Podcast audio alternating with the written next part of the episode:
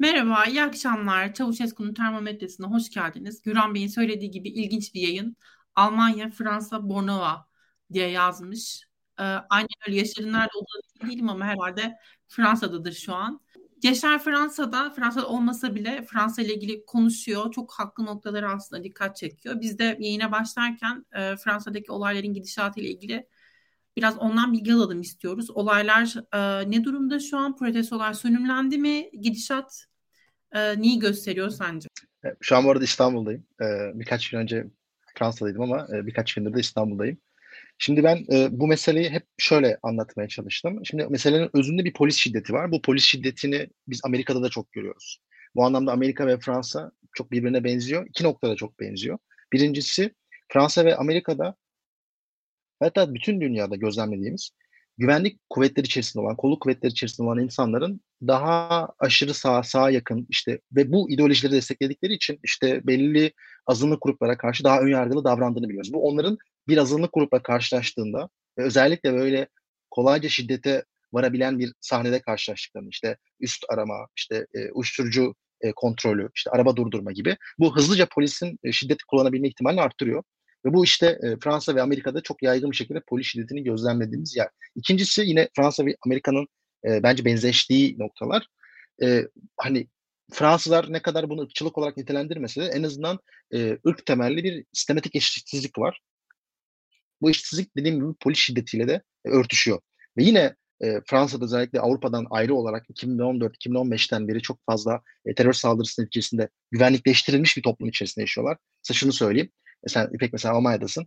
E, muhtemelen şey görmüyorsun öyle büyük kamusal alanlarda, alışveriş merkezlerinde e, böyle 7-8 tane askerin tam otomatik piyade tüfeğiyle dolaştığını pek görmüyorsunuz diye düşünüyorum. Biz bunu Türkiye'de de görmüyoruz ama mesela Fransa'da e, bu var işte e, askerler e, halk arasında dolaşır hani güvenliği sağlamak için vesaire. Bu 2014-2015'ten kalmış bir şey aslında. Şimdi demin anlattığım o sistematik eşitsizliğin üzerine e, polislerin işte böyle e, ırk temelli yaptığı sistematik e, şiddetin üzerine bir de güvenlikleştirilmiş toplum etkileyin.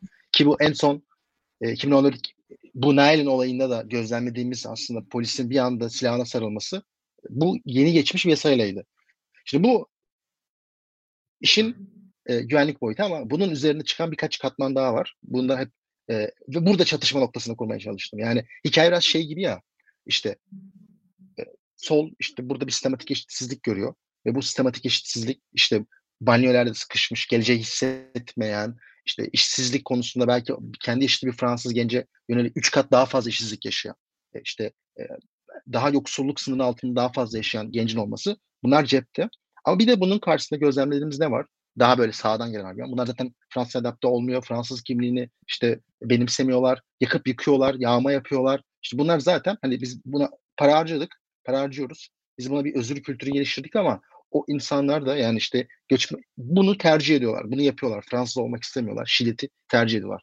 Burada aslında bir e, çatışma noktası var. Biz çatışma noktasını hep aslında şu an dünyada görüyoruz. Yani özellikle batıda görüyoruz. Nasıl görüyoruz? İşte Amerika'da da mesela benzer bir tartışma veriyor ya. Yani mesela geçen işte e, yüksek mahkeme. Bunu bu arada Fransa'nın ötesinde anlatmamın sebebi e, buradaki bu tartışmaları ne kadar e, aslında konu farklı olsa da öz, öz olarak e, benzer temaların hep tekrar ettiği. Çünkü sağ baktığında daha güvenlik temelli, bireye belki orada e, irade atayan veya işte bireyin davranışını e, kendisinin tercih ettiği bir şey olarak görüyor ama işte mesela sol siyaset ya burada e, sistematik eşitsizlikler var. Bu insanlar bunları seçmiyor ve bunun içinde doğuyorlar. Dolayısıyla e, onları anlamamız lazım gibi gösteriyor. Mesela Amerika'da da işte aynı şey e, siyahiler tartışmasında da var işte. Ve bunu e, özellikle solun mesela e, bence başka bir nokta olarak bunu bu kadar konuşmaması.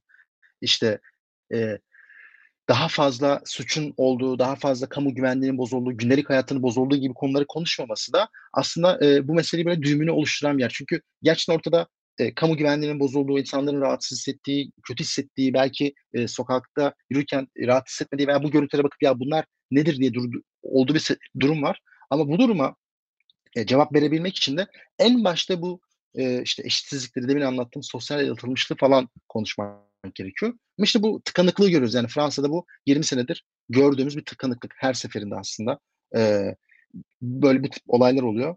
Bu tip olaylar olduğunda da e, özellikle Fransa'nın bunun üzerine bir İslam tartışmasında geçmesi çünkü Fransa Avrupa'nın en büyük e, Müslüman komünitesine sahip olan ülke ve bu Müslüman komüniteyle ortak bir kimlik vermekte çok zorlanıyor. Yani e, bu ortak kimlik verilmediği için bir güvenlik, iki göç, üç İslam, dört sosyal eşitsizlik e, bunlar birleşince bir de bunun üzerine genç erkekler yani geleceği hissetmeyen genç erkekler bu genç erkeklerin e, toplumla kurduğu bağın işte şiddet yoluyla olması, öfke yoluyla olması bunların hepsi birleşince e, bugün Fransa'nın içinde olduğu sorun yaşıyoruz ama mesela belki bilmiyorum çok devam ediyorum. Sizin ekleyeceğiniz bir şey var mı ama Suriye, Türkiye'de de mesela Suriye'nin üzerinden bir tartışma döndü. İşte Türkiye'nin geleceği böyle vesaire böyle olacak. E şimdi bu bence e, önemli bir konu çünkü bu insanlar yani işte e, siz onları belli bir mahallelerde yaşattığınızda işte bu İstanbul'da mesela ne eski İstanbul işte Fatih civarından bahsediliyor. Bu insanlar işte onların çocukları iyi eğitim almadığında, e, babaları işte e, kötü işlerde çalıştığında veya e, babaların haksızlığa uğradığını gördüğünde, toplumda onlara karşı bir nefret söylemi olduğunu gördüğünde bu jenerasyondan jenerasyona aktarılan ve o ülkenin kimliğine, o ülkenin değerlerine karşı bir e, karşıt bir duruş oluşuyor. E, bu işte bugün Fransa'da, e, biraz Amerika'da ve birçok ülkede gördüğümüz bir fenomen. Dolayısıyla hani e, bu tarz problemler bu kadar gelişleşince ve kompleks kompleksleşince çözmesi zor bir noktaya gidiyor diyeyim. Şu an ama sönümlendiğini anlıyoruz galiba. Evet ben tabii e, sönümlendi. Ben tabii çok daha böyle e, hani arkasında neler var o dinamikler. Çünkü bugün sönümlenmiş olabilir ama emin ol e, yarın bir gün bir çocuk daha e, öldürme ihtimali çok fazla. Hani bunlar sistematik şeyler. Ve belki bugün sönümlendir ama seni bir daha göreceğiz. Belki iki sene sonra bir daha göreceğiz. Yani İran'da mesela neden sürekli protesto oluyor? Hani kadınların başlattığı protesto oluyor. Fransa'da da e, benzer bir şekilde bu göç, banyolardan gelen e, hareketleri görmeye devam edeceğiz. Evet kesinlikle öyle. Yani onun temelini anlamadan sanırım sonrası içinde e, analizlerde bulunmak kolay olmasa gerek anlaşılması lazım.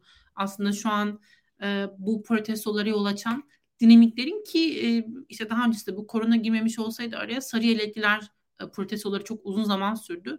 Tabii ikisi farklı şeyler nihayetinde.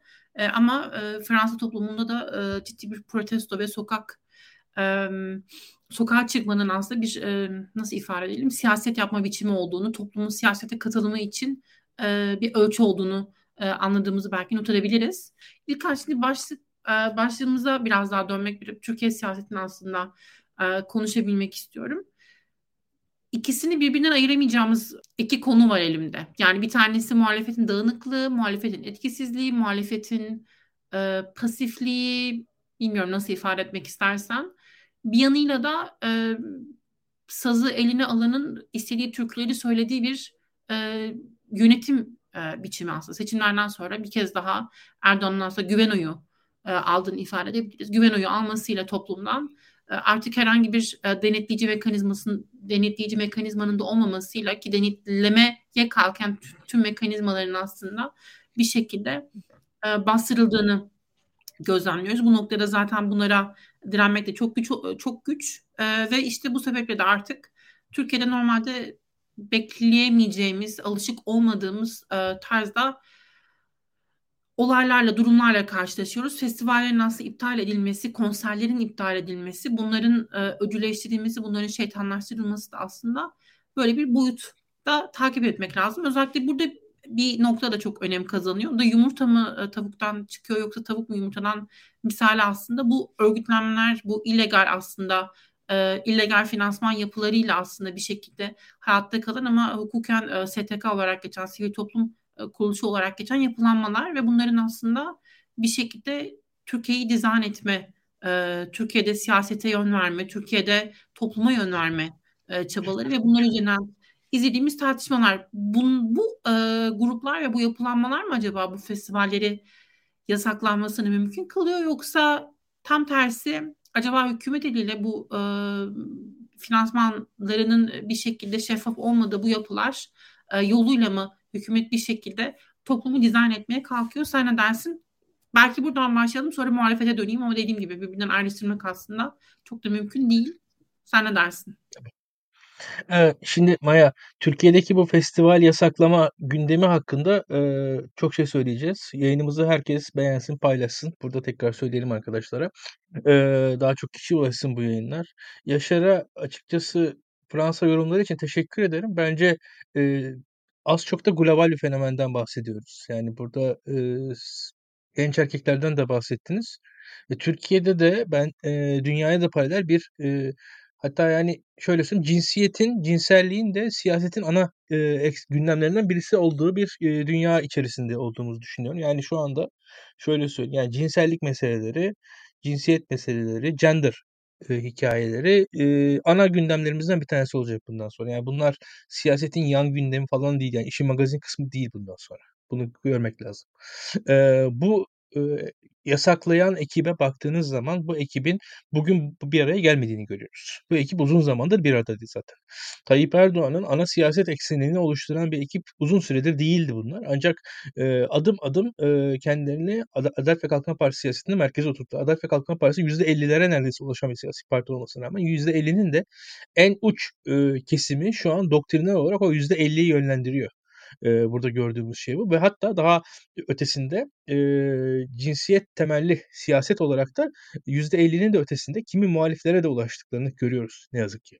E, buradaki meselenin temelini mesela İstanbul Sözleşmesi'nin kaldırılması sürecini e, ele almadan anlayamayız. Yani bugün festival yasaklarını, bir İstanbul Sözleşmesi'nin kaldırılması, Pride'ların yasaklanmasını düşünmeden bu festivallerin de yasaklanmasını anlayamayız diye düşünüyorum. Yani çünkü çünkü bu tüm yasakların arkasındaki ekip aynı ekip. Hatta daha ileri gideyim. Nafaka mağduriyeti ve erken yaşta evlilikten dolayı cezaevinde yaş- e, kalmakta olan e, e, kişilerin mesela salınmasına yönelik hareketler var şu anda. E, yine bu radikal kesimde. E, bütün bunları da beraber değerlendirmek gerekiyor. Hatta e, bildiğiniz gibi mesela e, bu Pride'lara karşı bir yürüyüş düzenlenmişti hatırlıyorsun. Aileye saygı mıydı? O yürüyüşü düzenleyen ekip yani onu düşünmek gerekiyor. O, o ekibin e, e, aynısı tüm yasakları bir araya getiriyor. E, Türkiye'de geçen seçimde e, bizim gördüğümüz bir fenomen vardı. Aslında e, bir tarafta gördüğümüz fenomen iki tarafta da var. Yani Memleket Partisi, Zafer Partisi olgusunu Sinan Oğan'ın aldığı oyları bir taraftan gördüğümüz zaman diğer taraftan da Yeni Refah Partisi'nin aldığı oyları da oylara da bakmak gerekiyor diye düşünüyorum ve orada e, mesela Türkiye'deki e, bence son yıllardaki en e, şaşırtıcı ve izlenmesi gereken e, siyasal eylem Türkiye'de aşı karşıtı mitingdi. Yani aşı karşıtı mitingde siyasal yelpazenin çok farklı noktasında olduğunu tahmin edeceği, olacağını düşüneceğiniz insanlar yan yana gelmişlerdi. E, en uç e, Atatürkçü diyeceğimiz kesimlerden kimi insanlar, e, bir yandan radikal İslamcı kesimler kimi insanlar, bir yandan e, Türkçülük noktasında çok uç fikirlere sahip olan insanlar aşı karşıtlığını yan yana geldiler Türkiye'de. Aşı karşıtı miting yaptılar. Orada e, hatta şu e, Türk'ten diye birisi vardı. Cumhurbaşkanı adayı olmaya çalışmıştı. Onun etrafında oluşan kitleye falan bakmak lazım. Ya, bütün bunların ortaya koyduğu bir doğrultu var. Bu doğrultuyu bir e, toplumun mesela seküler muhalif tarafında e, daha ziyade Zafer Partisi veyahut da Memleket Partisi çizgisi üzerinden biz görebiliyoruz. Ama bunun İslami kesimde de e, bir yansıması var ve bu da e, Yeniden Refah Partisi üzerinden nispeten daha fazla kendini gösteriyor ve e, aslında o tarafta daha etkin. Yani orası daha örgütlü. E, zaten toplumsal toplumsal örgütlenme kabiliyeti Türkiye'de sağın daha yüksek olduğu için orası daha da etkin oluyor. Ve e, oradaki etkin örgütlü güç mesela Recep Tayyip Erdoğan üzerine belli bir şekilde tahakküm koymanın yani Tayyip Erdoğan yönlendirmenin yollarını arıyor adım adım. Tayyip Erdoğan ulaşmanın yollarını arıyor. Türkiye'de zaten hukuk sistemi yok. Türkiye'de devlet yani bence kurumsal olarak çökmüş durumda. E, kurumlar bittiği için, adalet bittiği için Türkiye'de e, temel mahkeme Tayyip Erdoğan'ın vicdanına seslen, seslenmek. Tayyip Erdoğan ikna etmeye çalışıyorlar şu anda. Tayyip Erdoğan ikna ettikleri kadar e, yasaklıyorlar. Tayyip Erdoğan ikna edemezlerse yasaklanmıyor Türkiye'de olan bir tane şeyler. Tayyip Erdoğan da 1954 doğumlu eski dünyanın insanı bir insan. Yani 1960'larda e, normlarını e, açıkçası oturtmuş. E, iyi, doğruyu, güzeli. 1960'ların İslamcı bir e, Baroş Genci'nin e, gözlerinden okuyan bir insan Tayyip Erdoğan. Yani bugün faiz konusundaki görüşleri ve Necip Fazıl'ın enflasyon faizin piçidir lafı. Yani baktığınız zaman Tayyip Erdoğan'ın da ana fikirleri oradan gelme. O yüzden Tayyip Erdoğan iktidarda zorlanmıyorlar. Biz de bunları yasaklarla e, beraber karşımızda görüyoruz şu anda. Türkiye'de Erdoğan e, kendisi siyasal e, iktidarını kurdukça Türkiye'deki kurumları e, ve yargıyı yok etti. Bunun yanında da aslında yavaş yavaş normlarını da Türkiye'ye kendisi getiriyor. Bir 50 yıl öncesinin normlarını, 50 yıl öncesinin İslamcılarının, kenar mahalle İslamcıların normlarını şu an Erdoğan'la beraber Türkiye'ye dayatıyor diye düşünüyorum. E, burada şu açık net Türkiye'de evlilik yaşı yükseliyor. Çocuk sayısı, kadın başına düşen gebelik sayısı düşüyor. Ee, Türkiye'de aslında İslami kesim de her türlü aile içerisinde sorunlarla karşı karşıya geliyor.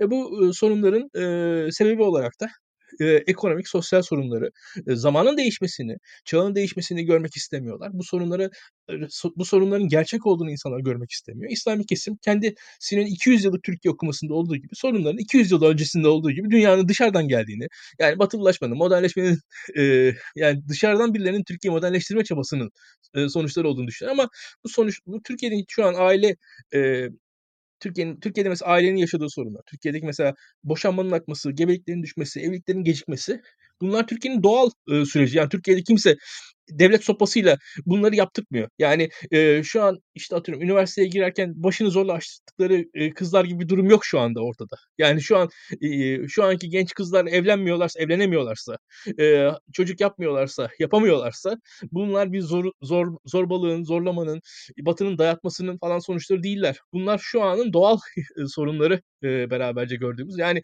şu an e, şöyle söylemek lazım. E, bir grup, bir aile boşanıyorsa bu 62-84 olduğu için boşanmıyor.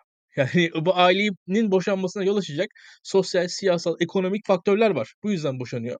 E, ama buradaki sorunları adıyla, sanıyla doğrudan e, yüzleşemeyen e, bir toplumsal kesim olarak İslami kesimde buradan e, en basitçe kadınları e, aileyi kurmaktan, aileyi korumaktan, aileyi kollamaktan sorumlu olarak görüyor.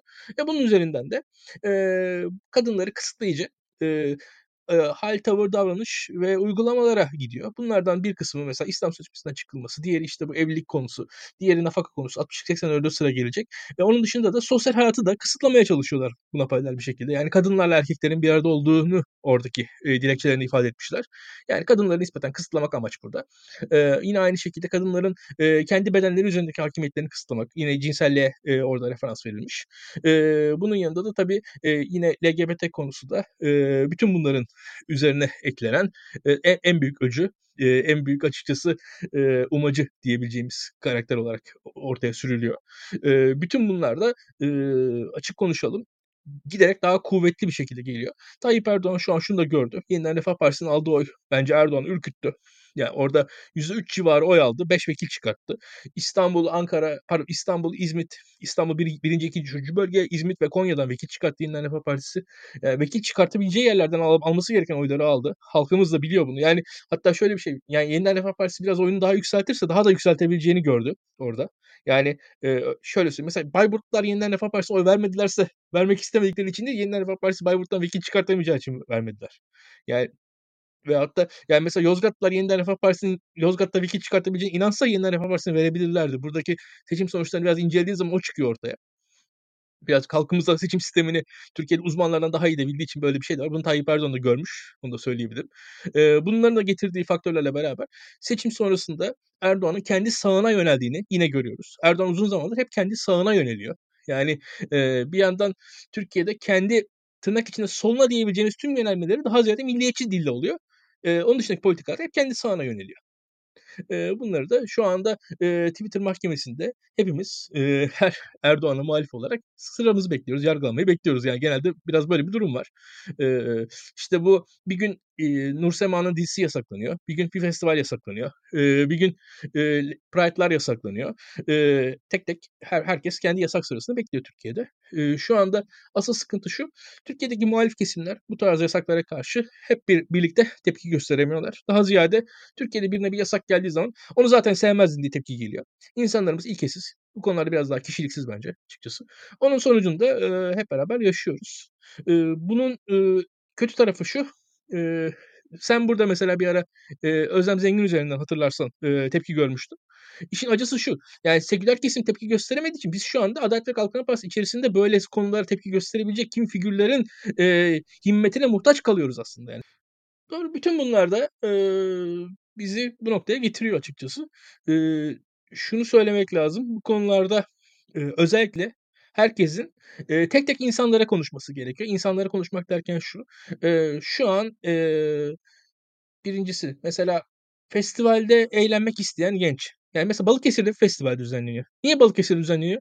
Çünkü Türkiye'nin batı Anadolu'sunda toprağın en ucuz olduğu yer orası. Yani başka bir yere düzenleyecek bir para yok.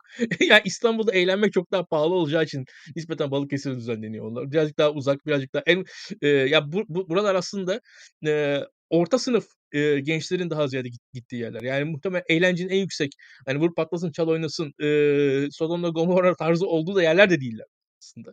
E, ve işin acısı şu e, seküler kesime yönelik baskılar seküler kesimin e, en üst seviyesine değil aslında o, o seviyenin altındaki zenginlikte yani orta seviye seküler zenginlikteki insanlara kesiliyor. Bu da işin e, bence ekonomik boyutu. Yani sizler teknenizde eğlenecekseniz e, gayet eğlenebiliyorsunuz. E, İstanbul'da e, dünyanın Türkiye'nin çok lüks gece kulüplerinde her şey yaşanmaya devam ediyor aslında.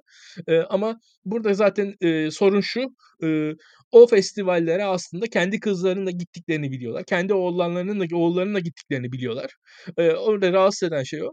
Kendi oğullarını o festivale gitmekten alıkoyamayan, kendi kızlarını o festivale gitmekten alıkoyamayan ya da gitmemeye ikna edecek bir ikna edemeyen yani neden eğlenmeyeceğim, neden mutlu olmayacağım gençliğimde diye ikna edemeyen aileler aslında e, çıkışı kurtuluşta buralarda arıyorlar. Um, az önce son dakika olarak aşağıda da bahsettik. Erdoğan'ın NATO'nun Erdoğan'ın İsveç'in NATO üyeliği meselesinde tavır değişikliğine ilişkin olarak. Onu sona bırakalım. O zaman konuşalım diye düşündüm. E, hepimizin herhalde ekleyecek notları vardır onunla ilgili. Çünkü biz hiç, e, zaten yani dış siyasetle ilgili konuşuyor olsaydık da iç siyasetten bağımsız konuşamıyor olurduk. O yüzden sona doğru e, kısaca onu da değerlendiririz diye düşündüm. Yaşar sen e, senin yorumların notların ne bu festival yasaklarına ilişkin e, kim yapıyor, kim ne amaçla, nasıl bir örgütlenme, nasıl bir organizasyon, nasıl oluyor da e, Türkiye'de çoğunluğu asla temsil etmediğine inandığımız bu yapılar e, böyle kararların çıkmasına vesile olabiliyor. Senin notların ne? Nasıl değerlendiriyorsun? Şimdi e, bence İlkan önemli bir noktaya parmak bastı. Biz bunu kendi aramızda da konuşmuştuk İlkan'la. Türkiye kaçınılmaz bir şekilde aslında sekülerleşiyor ve modernleşiyor. Bu ne demek? Bugün Türkiye'de kadınlar için evlenme ortalama yaşı 26'ya geldi. Bundan 20 sene önce bu 22-23 e, civarlarındaydı. Bugün işte e, kadın başına düşen çocuk 2.1'in altına düşmüş durumda ki hatta 2.1 2.0 2.1 e, normalde replacement rate denen bir şey vardır. Nüfusun azalmadan devam edebilmesi için gereken oran kadın başına 2.1'dir çocuk. E, Erdoğan'ın zaten en az 3 çocuk söylemi de buna dayanıyor. İki, üçüncüsü 20 sene önce üniversite okuyan kadın sayısı 4 katına çıktı Türkiye'de. Şimdi bunlar e, tek başına bu kadar hızlı gerçekleşen yapılar olduğu için e, Türkiye'nin aslında aile yapısının, e, aileyle kurulan ilişkinin, e, kadın erkek ilişkisinden çok hızlı dönüştüren ve bununla beraber yanında sancılar yaratan şeyler. Yani işte Türkiye'de e, üniversite okuyan kadın sayısının artması bu doğrudan kadın İslam'ıyla sonuçlanmadı. E, bu başka bir tartışma ama en azından hani eğitime dahil olan kadın sayısı arttı. Demin söylediğim şeyleri de düşünün işte çocuk sayısının azalması vesaire. Bunlar e, toplumda bir sekülerleşme dalgası yaratsa da devletin bütün kurumları ve aynı zamanda toplumun içerisinde e, siyasi olarak, sosyal olarak örgütlenmiş yapılar bu gidişattan memnun değil. Dolayısıyla e, toplumun kendi, şimdi muhafazakarlığı hep şöyle tanımlanır ya, belli bir değişikliği yavaşlatmak ve onu e, modere etmek. Şimdi burada da gördüğümüz şey şu, bütün aslında bu yapılar bunu görüyor ve bundan dolayı e, bir mantıkla, bir taşra mantığıyla bunun karşısında durmaya çalışıyor. İşte bunun en büyük örneği sosyal politikaların böyle şekillenmesi, e, bu söylemlerin e, işte sekülerleşmeye karşı olan söylemlerin oluşması zaten bunu hep görüyoruz yani işte alkol yasaklı, işte vergilerin yüksek olması vesaire. Ama buradaki önemli nokta şu, özellikle 2018-2019'dan beri bu iktidarın da çok kuvvetli bir e, siyasi gücü ulaşmasıyla beraber iktidarın içerisinden küçük bir yapı, belki marjinal bir yapı diyeceğimiz, işte belli tarikat ve cemaatlerle bağlantılı gruplar daha özgüvenli bir şekilde, giderek daha özgüvenli, özgüvenli bir şekilde sosyal medyada örgütlenerek ve bu sosyal medyadaki örgütlülüğünü kurumsal e, ve bürokratik güce de dayandırarak çünkü işte burada bir ilişkiler ağı var. İşte belediye başkanları, valiler, medya çalışanları ve hakimler, savcılar bunlar aracılığıyla oluşturdukları aslında yapı yapıyla önce bunları afişe ediyorlar önce toplumun işte buraya dikkat çekmesini sağlıyorlar. Bu nasıl oluyor? İşte bir haber çıkıyor mesela. İşte bu bugün e, Handa, ben Hande'ye tezi yazmışım ama o değildi. E, bugün Balıkesir'de iptal edilen konserin kime ait olduğunu unuttum ama önce o, o sanatçı Hande Yener. Önce Hande Yener'in e, işte onur yürüyüşüne dair bir söylemi bir anda ortaya çıktı. O söylemin ardından işte e, bir linç kampanyası, bir iki gün boyunca bu linç kampanyası devam etti. İşte Balıkesir Belediye Başkanı'nı etiketleyerek e, yapılan e, bir çalışma bu. Direkt onu doğrudan hedef alıyor. Ki burada şu çok önemli. Mesela Tekirdağ'da e, Süleyman Paşa olması lazım o belediyenin adı. E, o belediye başkanı Melek Mosso'yu sahneye çıkardı. Melek Mosso da işte, e, işte bu konuda özür falan dilemişti. Hani orada bir orta yol bulunmuş gibi göz, gözüküyordu. Melek Mosso sahneye çıktı. İşte beraber e, belediye başkanıyla beraber halkı selamlar vesaire. Bu sefer çok daha büyük bir linç kampanyasıyla karşılaştı ve bu sefer hedefte Melek Mosso yoktu. Belediye başkanı vardı ve belediye başkanı görevden alındı. Yani burada e, bu derece örgütlü olan ve sosyal medyayı çok kuvvetli kullanan ve dediğim gibi bir bürokrasi ağına sahip olan belki Erdoğan'ın yanında da olan bazı isimler aracılığıyla e, bu baskının en tepeye kadar gittiğini görüyoruz. Buradaki önemli nokta şu bence. E, bugün bu bu bir savaş aslında. Bu mümkün mertebede bunu bir daraltma yani işte yerli ve milli olmayan işte bunun kategorisi içerisine girmeyen bütün aslında o sanat eserleri ve yaşam tarzı bu şekilde e, şeytanlaştırmaya devam edilecek. Şimdi ben geçenlerde çok ilginç bir kitap gördüm. E, bunu da yakında e, hani paylaşmak istiyorum. Çünkü bizim mesela seçimden sonra gördüğümüz şöyle bir kavram oluştu. Anadolu irfanı, Anadolu insanı, Anadolu kültürü işte. Bu yaptığınız Anadolu değerine aykırı. Yani belki siz de fark etmişsiniz, seyirciler de fark etmiştir. Ben son seçimden sonra bunu daha sık görür oldum. Çünkü e, seçim kaybedilince de e, bakın siz işte Anadolu'yu tanımıyorsunuz. Anadolu, Anadolu'yu tanımadığınız için de işte kaybediyorsunuz. İşte bu, bu toplumun irfanını e, hafife alıyorsunuz. Burada şey bir dikotomisi var. E, hayatın pratiğinden ve tarihsel geleneğinden elde edilmiş e, wisdom, bilgelik bir de onun karşısına konumlandırılmış işte tırnak içerisinde e, okullar aracılığıyla, batıdan devşirdiği fikirler aracılığıyla bu bilgeliği e, ciddiye almayan, o bilgeliği, e, o bilgeliğin karşısında e, belli duyduğu yapay şeyleri terennüm eden yarı aydınlar. Böyle bir dikotomi var aslında.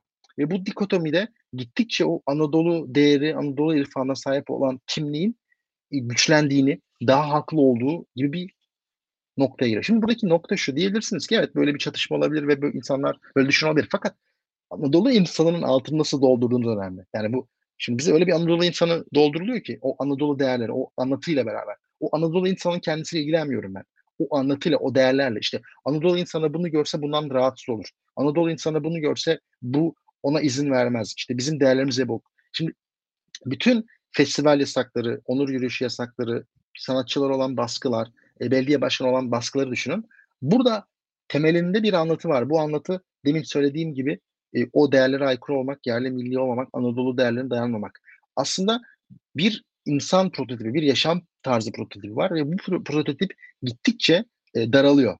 Yani onun içinde olan şey gittikçe daralıyor ve e, bütün sanat eserlerinin sanatçılarından ona uyulması bekleniyor. Bu kitabın adı da benim bahsettiğim kitabın adı da The Rise of Com American Common Man. Yani e, o ortalama Amerikan insanının e, ortalama Amerikan insanı gibi düşünün. Şimdi bunu alın bize yapıştırın. Bizim de aslında bu Anadolu irfanı ve Anadolu insanı diye bir anlatı sürekli devam edecek. Ve bu saldırılar e, bence durmayacak. Yani mümkün mertebede devam edecek. Bunun aslında durması için e, buna karşı örgütlü bir muhalefet geliştirilmesi lazım. Yani bu alanları koruyan, bu alanlara sahip çıkan. Şimdi şunu düşünün. Öyle bir noktaya geldik ki e, işte gençler e, işte Balıkesir'de konser oluyor. İşte eşler şunlar ya kızla erkekli gidiyorlar, yiyorlar, içiyorlar, e, sevişiyorlar. Bu toplumun ahlakını bozuyor. Bu yanlış bir şey. Şimdi e, bunların hepsi artık toplumsal, kamusal alanda ayıplanan bir noktaya geldiği için çıkıp ne var ya? İnsanlar eğlenmeyecek mi, takılmayacak mı, beraber cinsellik yaşamayacak mı? Bize ne? Demek argümantatif olarak yetersiz, kuvvetsiz, sanki sen böyle kendi zevklerinin peşinden koşan ve bu toplumu asla düşünmeyen bir noktaya sıkıştırıldın. Bu işte e, bu söyleme sahip çıkarak bu geliştirilir. Çünkü e, mesela İlkan da dedi ya Necip Fazıl'dan beri devam eden bir ideoloji var. Bu ideoloji 70 sene önce e, marjinal bir noktadaydı. bu söylemler yavaş yavaş yavaş yavaş insanların duya duya ve örgütlü bir şekilde e, bu ideolojinin güce gelerek insanlara kabul ettirdiği şeylerdi. E şimdi seküler muhalefette geriledikçe onun kullanacağı argümanların değeri de azalıyor. Yani ben, ortada durumumuz bu. Seküler muhalefet mevzileri geriye doğru çektikçe ve bunlara sahip çıkmadıkça kendine zarar veriyor. Çünkü o argümanın değerini oluşturan şey sizin politik gücünüz, politik görünürlüğünüz. Siz görünür olmadıkça, bunu güçlü bir şekilde savunmadıkça çıkıp evet insanlar da özgür bir şekilde beraber zaman geçirebilir, alkol içebilir, e, sevişebilir ve kimse buna diyemez ve bu insanların temel hakkıdır dediğinizde ikna edeceğiniz ve yankı o argümandan umduğunuz yankının gücü de azalıyor bence. Dolayısıyla e, burada e, burada bence seküler muhalefetin düştüğü çeyre e, sıkıntı bu. Son da şunu söyleyeyim. E, şimdi ort, özellikle bu zamlardan, yaşam tarzından aslında en çok etkilenen nokta şehirde yaşayan, e, seküler bir hayatı devam ettirmek isteyen grup. Şimdi bu grup aslında belki de kendi siyasetini e, yapma vakti geldi de geçiyor. Belki çoktan geç kaldı. Yani en azından kendi varlığını, işte e, yaşam tarzını, e, değerlerini, belki buradan koparabileceği sosyal devlet imkanları, işte buradan koparabileceği belki kültür sanat aktiviteleri buna dair aslında daha örgütlü bir muhalefet noktası geliyor ama burada şuna gidiyor. Herkes bireysel yaşam içerisinde bir kurtuluş yolu arıyor. Bu işte belki yurt dışına gitmek olsun, belki inzivaya çekilmek olsun, belki işte siyasi partiye e, şey dahil olmamak olsun vesaire. Bu da aslında e, gittikçe zaten bahsettiğim e, alan daralmasını hızlandıran bir faktör. Buradaki örgütsüzlük hali ve umutsuzluk hali ve bunun kendi içine bir bireyciliğe dönmesi. Bütün bunları ben düşününce e, hani hiç yani iyimser olup ya işte bunlar kendi kendine düzelir e, işte bir yerde dururlar gibi düşünmemek lazım. E, bu aslında bir güç mücadelesi. E, ve siyasette alanı serbest bırakırsanız o karşınızdaki e, yapı genişleme devam eder ve genişlemek ister. E, dolayısıyla burada e, çok acil bir örgütlülük gerekiyor. E, ve muhalefetin buna sahip çıkması gerekiyor ama artık kurumsal muhalefeti konuşacağız sanırım. Benim çok kurumsal muhalefetten umudum da kalmadı zaten. Ee, benim ikinizin söylediklerine ilişkin eklemek istediğim birkaç not var ama uzun e, uzun sürmeyecek. Ee, şimdi şuna şuna başlamak istiyorum aslında. Ortada Türk toplumunun değerleriyle e, özdeşleşmeyen bakış açılarına sahip marjinal gruplar var. Bunları nitelendirirken dikkatli davranmak gerekir diye düşünüyorum ve bunu bu düzlemden okumayı teklif ediyorum aslında. Bunlara e, sivil toplum kuruluşları muamelesi yapmak doğru olmaz. Bunlar finansal kaynaklarını şeffaf şekilde ortaya koymayan e, yapılanmalar ve bir şekilde yani anladığımız kadarıyla belli destekler alıyorlar belli çevrelerden. E, bu belli çevrelerde bir şekilde hükümetle e, bağlantılı e, aslında gruplar. Bunu bu şekilde ortaya koymak lazım. Tabii e, biz bunların örgütlenmeleriyle ilgili de özellikle tabii bunları tartışmayı çok önemli buluyorum. Yani bu örgütlenmenin e, boyutlarını tartışmayı, bu örgütlenmenin e, ne boyutlara vardığını tartışmayı burada yine e, sadece bunlar benim fikrim olduğu için değil Aykut Erdoğdu'nun e, bir tweet'i vardı seçimler sonrasında. E, Aykut Erdoğdu şunu ifade ediyor Cumhuriyet Halk Partili kendisi. Kılıçdaroğlu'nun kendisinden bir rapor hazırlamasını istediğini ve hazırladıkları raporda pardon seçimlerden sonra değildi sanırım. İkinci tura giderkenki süreçte olsa gerek. Tam yüzde yüz emin olamıyorum ama böyle bir tweet var yani.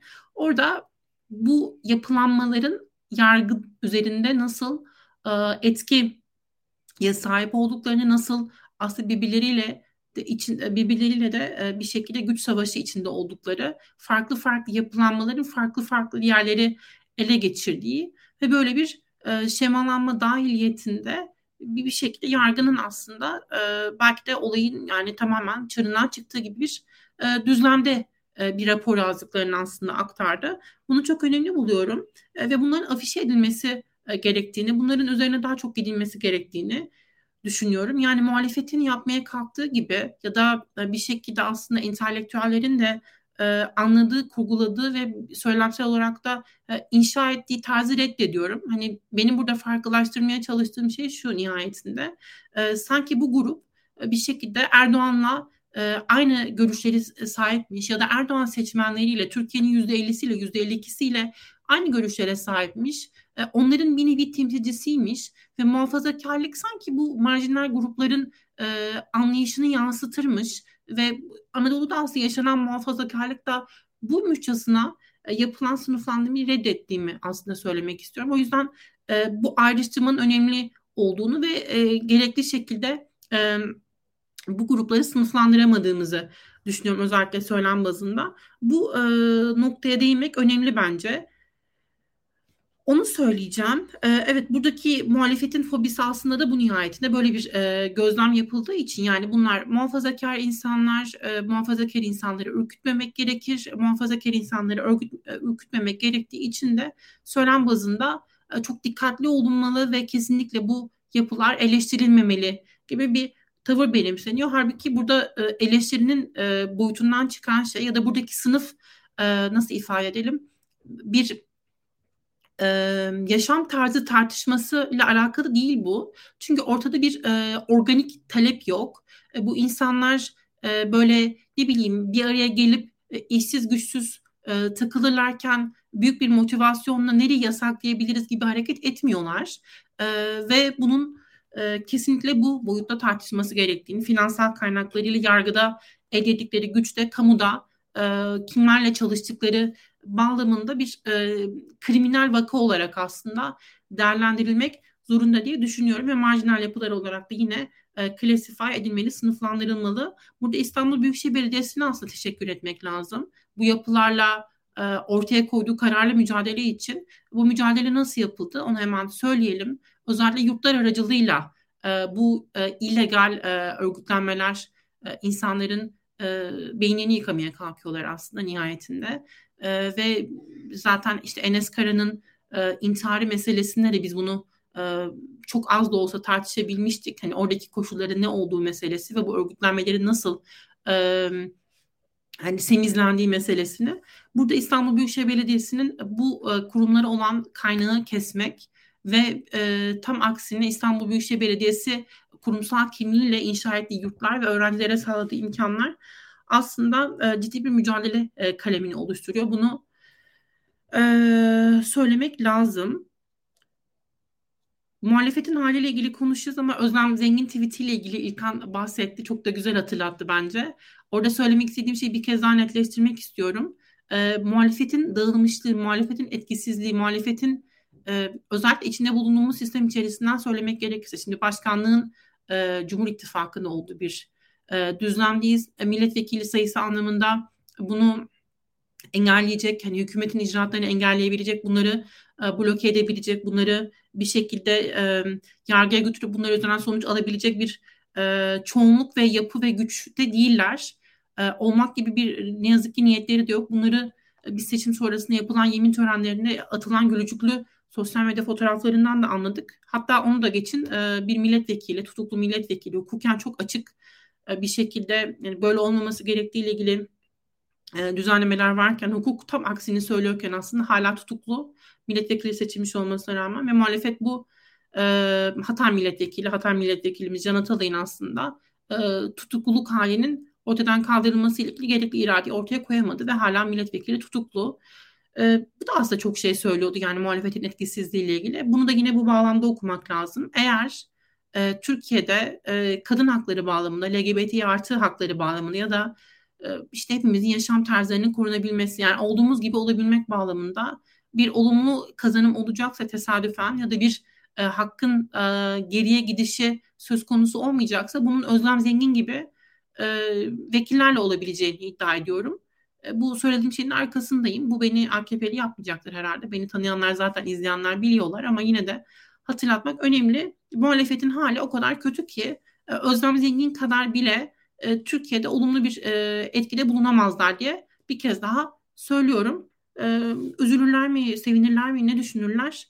Onu da artık kendi değerlendirmelerine bırakalım. Eğer bir muhalefet siyasetçisine bile ulaşıyorsak. Diyelim şimdi İlkan artık muhalefetin ne halde olduğunu biraz daha konuşabiliriz. Belki sana şeyi sorayım. Gazete Duvar'da yayınlanan bir söyleşi vardı. Deva Partisi İstanbul İl Teşkilatı'ndan istifa eden e, Sayın Erol e, bir açıklama yapmış, bir söyleşi yapmışlar ve bu söyleşide e, aslında siyasete dair de bazı önemli ipuçları vermiş. E, siyasetin kendi işi işini bilmeyen ya da yani hepimizin aslında bilemeyeceği şeyler eğer siyasette aktif olarak bulunmadıysak işte insanların niye siyaset yaptığı, ne ölçüde motive olduğu, gelir kaynaklarını nasıl şekillendirdiği, nasıl şekillendiremediği, bu gelir kaynaklarını şekillendirmemenin ya da milletvekili hayaliyle yaşamamanın aslında insanları nasıl demotive ettiği seçim kampanyaları döneminde gibi gibi uzun bir söyleşi ve bence çok verimli. Herkese ben de tavsiye ederim bir kez daha. Sen okudun mu bilmiyorum ve ne düşünürsün? Neler söylersin? Ben o zaman sana bir not aktarayım. Hani söyleşi uzun zaten ilgisini çekenler belki bakabilirler. Ama özellikle e, Erhan Bey'in yaptığı vurgular işte Deva Partisi'nin milletvekili uğruna Türkiye'yi kurban ettiğini söylüyor ve genel aslında yani söyleşte özellikle vurguladığı husus şu bir şekilde e, Deva Partisi'nin özellikle o özel e, yani Deva Partisi özelinden anlatmış nihayetinde Deva Partili olduğu için Ali Babacan'a ulaşamadığını, milletvekili e, pazarlıkları döneminde genel başkan yardımcılarına ulaşılamadığını, aslında genel başkan yardımcılarının arasında da koordinasyonsuzluk olduğunu ve herkesin aslında bir nevi koordinasyonsuzluk içinde hmm. olduğunu, bu tartışmaların yapılamadığını ve insanların hani büyük hayallerle İstanbul'dan milletvekili adayı olabilmek için aday adaylığı başvurusunda bulunduğunu ama nihayetinde e, birdenbire Cumhuriyet Halk Partisi liselerinden e, seçimlere girilmesinin kararının verildiği vesaire vesaire bu şekilde hmm. ilerliyor ve işte e, bu koordinasyonsuzluktan aslında şikayet ediyor Erhan Bey. Şimdi e, Erhan Bey'in e, eleştirilerinin bir kısmı Deva Partisi'nin yani Deva Partisi'ne dair şeyler. Gerçekten de yani Deva Partisi'nin bir defa ben e, kadrolaşma e, tercihlerini baştan sorunlu buluyorum. Yani Ali Babacan'ın biliyorsunuz internetten CV yollama tarzında enteresan bir yaklaşımı olmuştu. Onun e, neticesinde daha önce de İstanbul il başkanlarında sorun yaşadılar. Ondan sonrasında da il başkanları değiştirdiler. Deva Partisi'nde öyle bir bir kadro meselesi var. Yani e, bazen siyasetçi mi yani nasıl STK mı falan tam belli değil Deva Partisi belli açılardan. Hele hele e, şunu da biliyoruz ki siyaset ya herkes yolsuzlukla özleştirir. Yani bunun bir de hani siyasetçiler kimdir diye baktığınız zaman e, hayatta biraz bir noktaya gelmiş. Yani mesela şöyle düşün Maya. İşte sen ilk e, birkaç milyon dolarını kazandıktan sonra diyorsun ki artık kendi hayatımı yoluna koydum. Ondan sonra memleketime katkıda bulunacağım. E, bugünkü bilgi birikimimi e, işte ülkeme bilabeden sunacağım. Yani birçok siyasetçi hakikaten böyle düşünüyor. Yani e, biraz hobi ötesi bir noktada falan siyaset yani Türkiye'de aslında. E, belki böylesi de daha iyi bu arada onu da söyleyeyim. E, şimdi e, Deva Partisi ise e, teşkilatlar olarak e, biraz dağınık bir teşkilat yapısına sahip ve e, bu dağınıklığı e, her yeriyle yansıtıyor. E, işin kötüsü şu, e, bu seçimde e, tercih ettikleri yol bu e, başarısızlığı daha da büyüttü. Yani nedir? E, şimdi hepimiz biliyoruz ki siyasete giren herkes bir yere gelemeyecek. Ama şunu biliyorsunuz ama ne oluyor? Ali Babacan'la fotoğraf çektiriyorsunuz. Mustafa Yeneroğlu'yla fotoğraf çektiriyorsunuz. Beraber tweetlerinizi e, paylaşıyorlar. On binlerce kişiyle görüşüyorsunuz. Herkes size başkanım diyor. Biraz övülüyorsunuz. Orada listelerde yer alıyorsunuz. E, bunun size bir katkısı yok ama bir yandan İstanbul e, ikinci bölge 18. sırada Deva Partisi adayı oluyorsunuz mesela. En azından ben eski milletvekili adayıydım diye do dolaşıyorsunuz ortada. Ya şu anda Deva Partisi yaptığı tercihle yani CHP listelerinden 15 vekil sokarak aslında e, milletvekili adayı ol, ol, olarak bile tatmin yani milletvekili adayı yaparak bile yani milletvekili yaparak değil milletvekili adayı yaparak bile tatmin edebileceği yüzlerce insanı e, boşlukta bıraktı. Yani bu insanların çoğunu belki vekil olamayacaklarını biliyorlardı ama milletvekili adayı olacaklardı saygın bir partiden. Ali Babacan'la beraber aynı listede yer alacaklardı.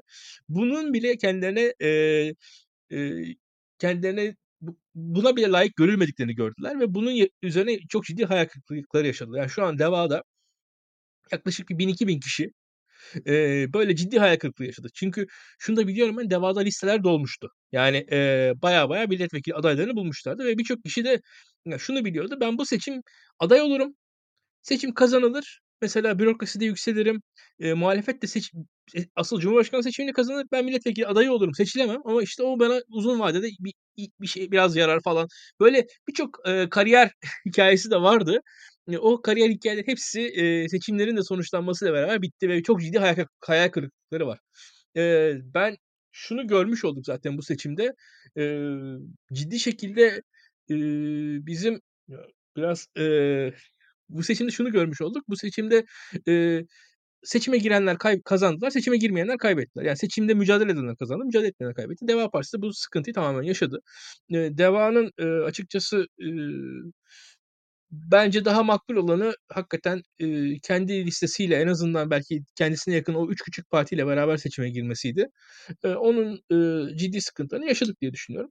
Muhalefette de e, bence e, milletvekilliği konusunda da şöyle bir e, daha da vahim bir şey var. Yani milletvekilliği önemli mi? Önemsiz diyemem ama şundan dolayı önemli. Yani milletvekilliği dedi yani şu an Maya sen milletvekili olsan yani işte danışmanın diye Yaşar'ı alırsın, şoförün diye beni alırsın. İşte bir tane de sekreter alırsın kendine. E, bu kadar kadron var yani teknik olarak. Üç tane kadrosu var bir milletvekilinin. E, yani neticede çok da fazla bir şey yok yani. E, vekilliğin çok dehşetli bir karşılığı da bence yok. Yani inanılmaz bir kariyer hedefi falan değil. E, Daktilo'da bir milletvekilinin kadrosundan daha fazla insan çalışıyor teknik olarak. Yani e, o açıdan insanların böyle vekil olacağım da demesi de bana enteresan ki vekilliğe çok önem verilmesi. Yani o, e, şunu söyleyeyim ya bu seçimde yani Kemal Kılıçdaroğlu'nun yaptığı hata vekillik falan değil yani. Yani seçimi kaybetmesi aslında. Yoksa yani vekillik falan bunlar e, çok tali konular diye düşünüyorum. E, ama evet adaylıklarda, aday belirlemesinde ve seçim sürecinde çok ciddi hatalar oldu. Yani şu anda biraz benim e, kedi şu an zor durumda. Biraz ona da yönelmem lazım. Biraz yayından çıkayım isterseniz. Tamam tamam. Ee, ve Yaşar'a dönelim o zaman. Yaşar, şimdi İlkan biraz da Deva Partisi ödülüne değerlendirdi ama benim sorum aslında genel olarak muhalefetin e, ha, hali üzerineydi. Senin özellikle aldığın notlar ne? Muhalefetin, e, muhalefet ne durumda? Ne dersin? E, muhalefete dair çok olumsuz duygular içerisindeyim. E, şöyle başlayayım. E, yani bununla ilgili bir yazı da yazdım ben. E, şimdi bu seçim sürecinde ne olursa olsun işte muhalefetin adayı kim olursa olsun destekleyeceğim diye bir kendimce bir tutumum vardı. Ve hakikaten e, elinden geleni yaptığımı düşünüyorum. Hani faydalı olmuştur, faydasız olmuştur, ne kadar insana dokunmuştur bilmiyorum ama işte e, TikTok'tan tutun, işte Instagram'a kadar, işte Twitter'daki paylaşımlara kadar e, kendim siyaset eşrafıyla doğrudan bir bağlantım yok. Hani öyle işte yukarıdan tanıdığım insanlar yok ama e, tanıdığını bildiğim insanlar var. Onlar aracılığıyla işte e, bazen tavsiyeler, bazen hatalarına yönelik uyarılar vesaire. Yani elimden geleni e, yapmaya çalıştım. Ve biliyorum ki benim gibi bir sürü insan vardı. Yani ben tabii ki e, tek değilim yani. On binlerce belki yüz binlerce insan e, emek koydu ortaya. Gönüllü olarak emek koydu. Yani yarın bir gün daha iyi bir Türkiye'de yaşama umuduyla bir şeyler yaptı.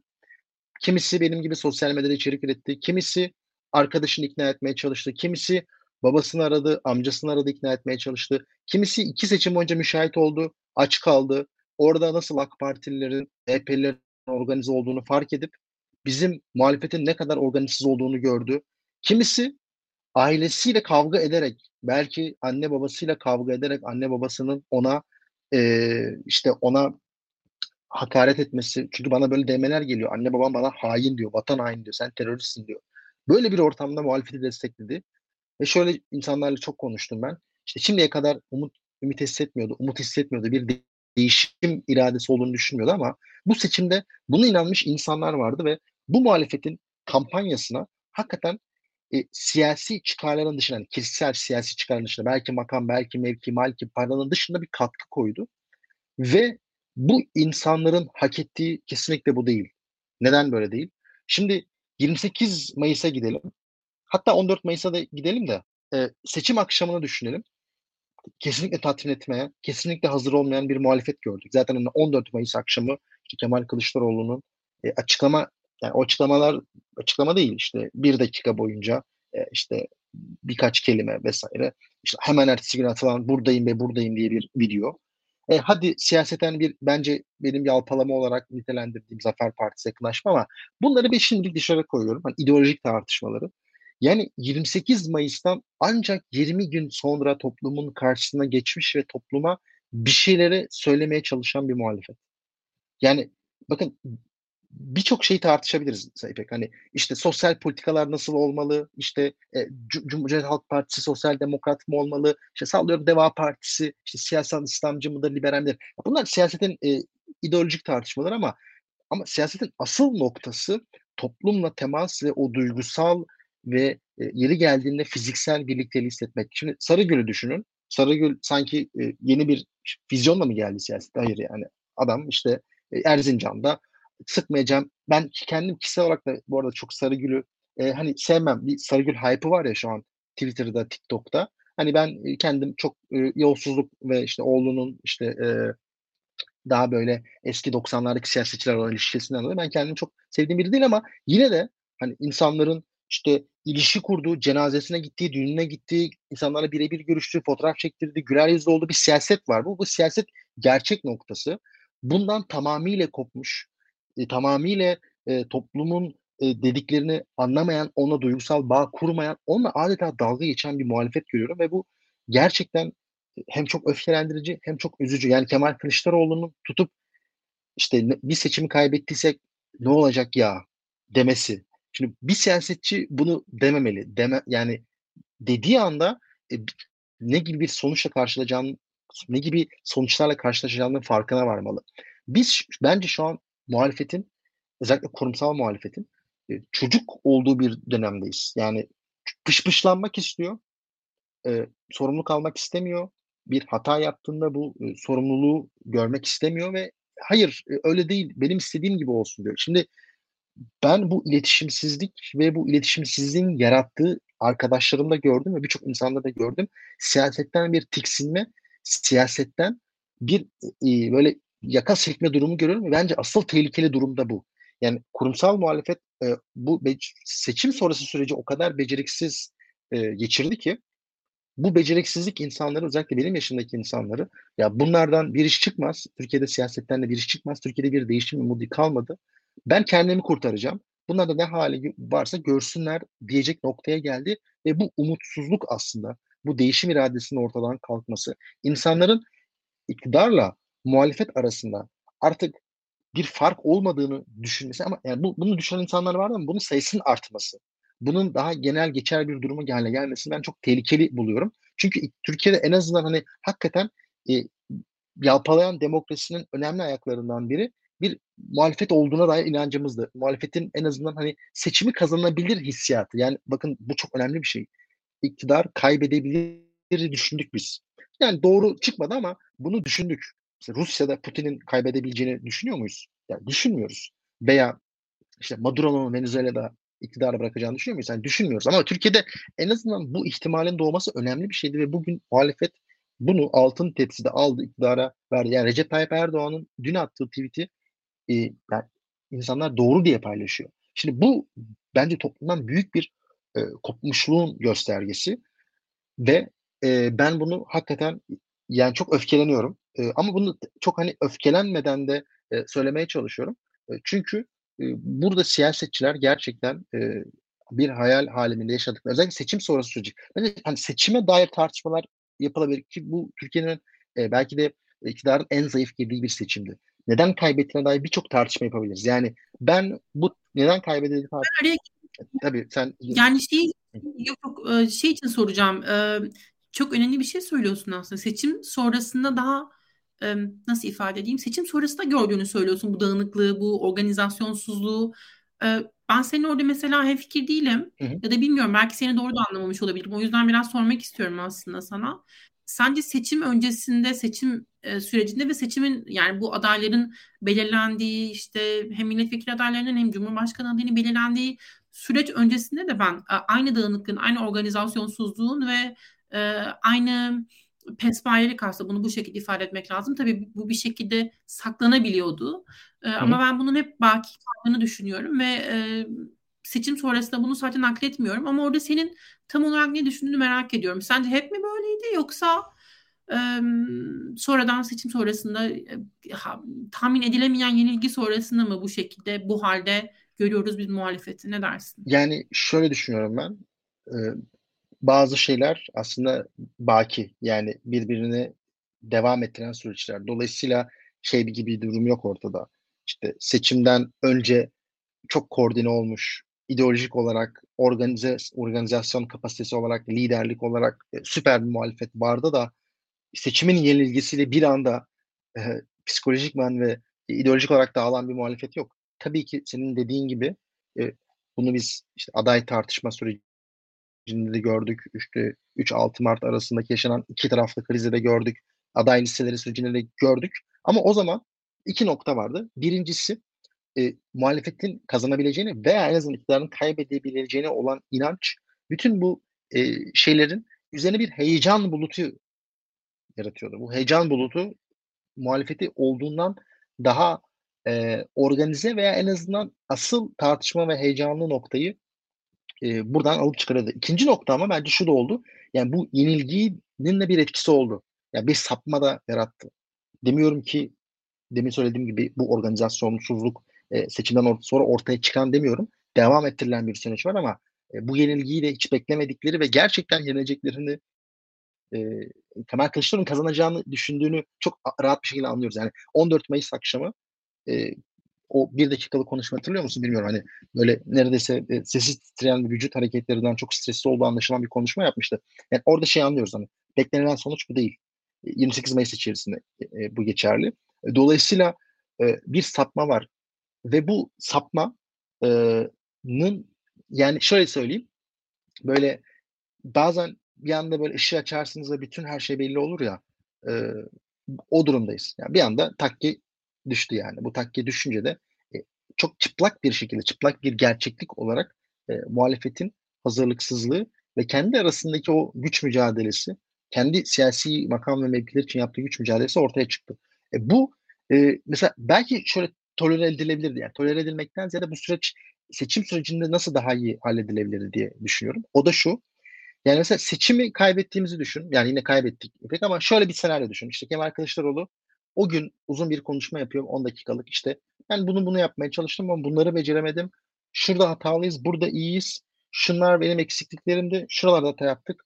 Ve topluma özür diliyorum dedim. Mesela birkaç gün sonra daha uzun bir şekilde işte hem kendisinin topluma erişmeksi konusundaki hatası hem kendisinin kazanabileceğini düşündü ama yanlış çıktığı noktasındaki öz eleştirisi hem işte CHP'nin ve diğer muhalefet partilerin işte e, organizasyon yani işte üye sayısının işte teşkilatlanmasının zayıflığı bu ama çok 10 yılın meselesi hemen şey değil ama bir eleştiri olarak bir öz eleştiri olarak koyulması. Belki e, ekonomi konusunda e, siyaset sadece işte tenceredeki işte et miktarı azaldı dolayısıyla insanlar AK Parti'den e, vazgeçecek indirgeyip e, daha e, insanların geleceğine dair ekonomi politikalarını konuşmakta işte ya, eksik kalması, kampanyanın sosyal medyaya sıkışması gibi noktaları söyleyip bir de üzerine ya ben bunları yaptım ama bunları beceremedim şimdi istifa ediyorum deseydi bu kadar büyük bir buhranın içine düşmezdik. Yani ben şimdiki bu süreci bir buhran olarak görüyorum. Yani e, seçimden sonra da yapılan o seçim yani kaybetmenin ardından yapılan e, tercihlerle daha büyük bir kaybetme yarattı. Şimdi bazen o kaybedişten e, bir kazanma çıkarmasanız da bir başka bir siyaset çıkarırsanız e, o siyaseti devam ettirirsiniz. Mesela 2018'den 2019'a kadarki giren süreci düşünün. Yani 2018'i muhalefet kaybetmiş ama 2019'a girerken hadi kazanıyoruz gibi bir ruh haliyle girdi. Şu an biz hani 2023 ile beraber e, insanlar psikolojik olarak ve duygusal olarak da kaybetti. Bu bence en önemli şey. Yani bu siyasetin en temel şeyi. Ve bu duygusallık ve psikolojik iman kaybetmesinin en büyük sorumlusu da şu an siyasi liderler ve Kemal Kılıçdaroğlu. Yani toplumu ben toplumu ciddiye almıyorum. Twitter'da hala işte bilmem ne yağlı güneş yağlı güreş paylaşımlar yapmaya devam ediyorum dediğinizde e, bunun e, bence gelecek açısından da çok önemli sonuçları var. Çünkü nasıl ki işte şöyle argümanlar var ya işte Gezi bir jenerasyonun siyasete bakışını değiştirdi gibi. Aynı şekilde siyaseten insanları daha pasif bir noktaya götüren, e, katılımcılığını azaltan, duygusal bağını azaltan e, noktalar da var. E, şu an öyle bir dönemden geçiyoruz. O yüzden yani e, ben bu durumu çok e, tehlikeli ve e, üzücü yani üzülerek takip ediyorum. E, bilmiyorum yani.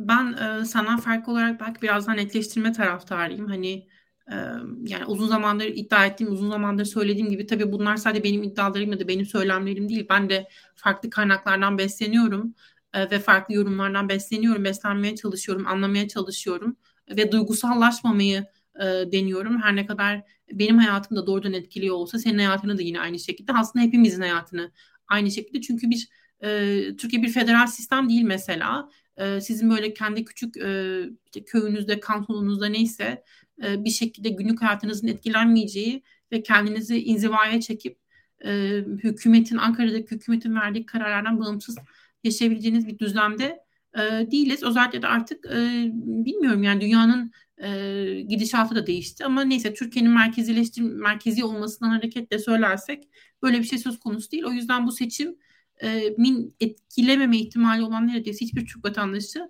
yoktu ki ekonomide alınan tedbirler, ekonomide alınan kararlar şu an ekonomiyle mücadele e, etmeye yönelik koyulan, koyulan e, sözüm ona irade de aslında bunu açık bir şekilde kanıtlıyor.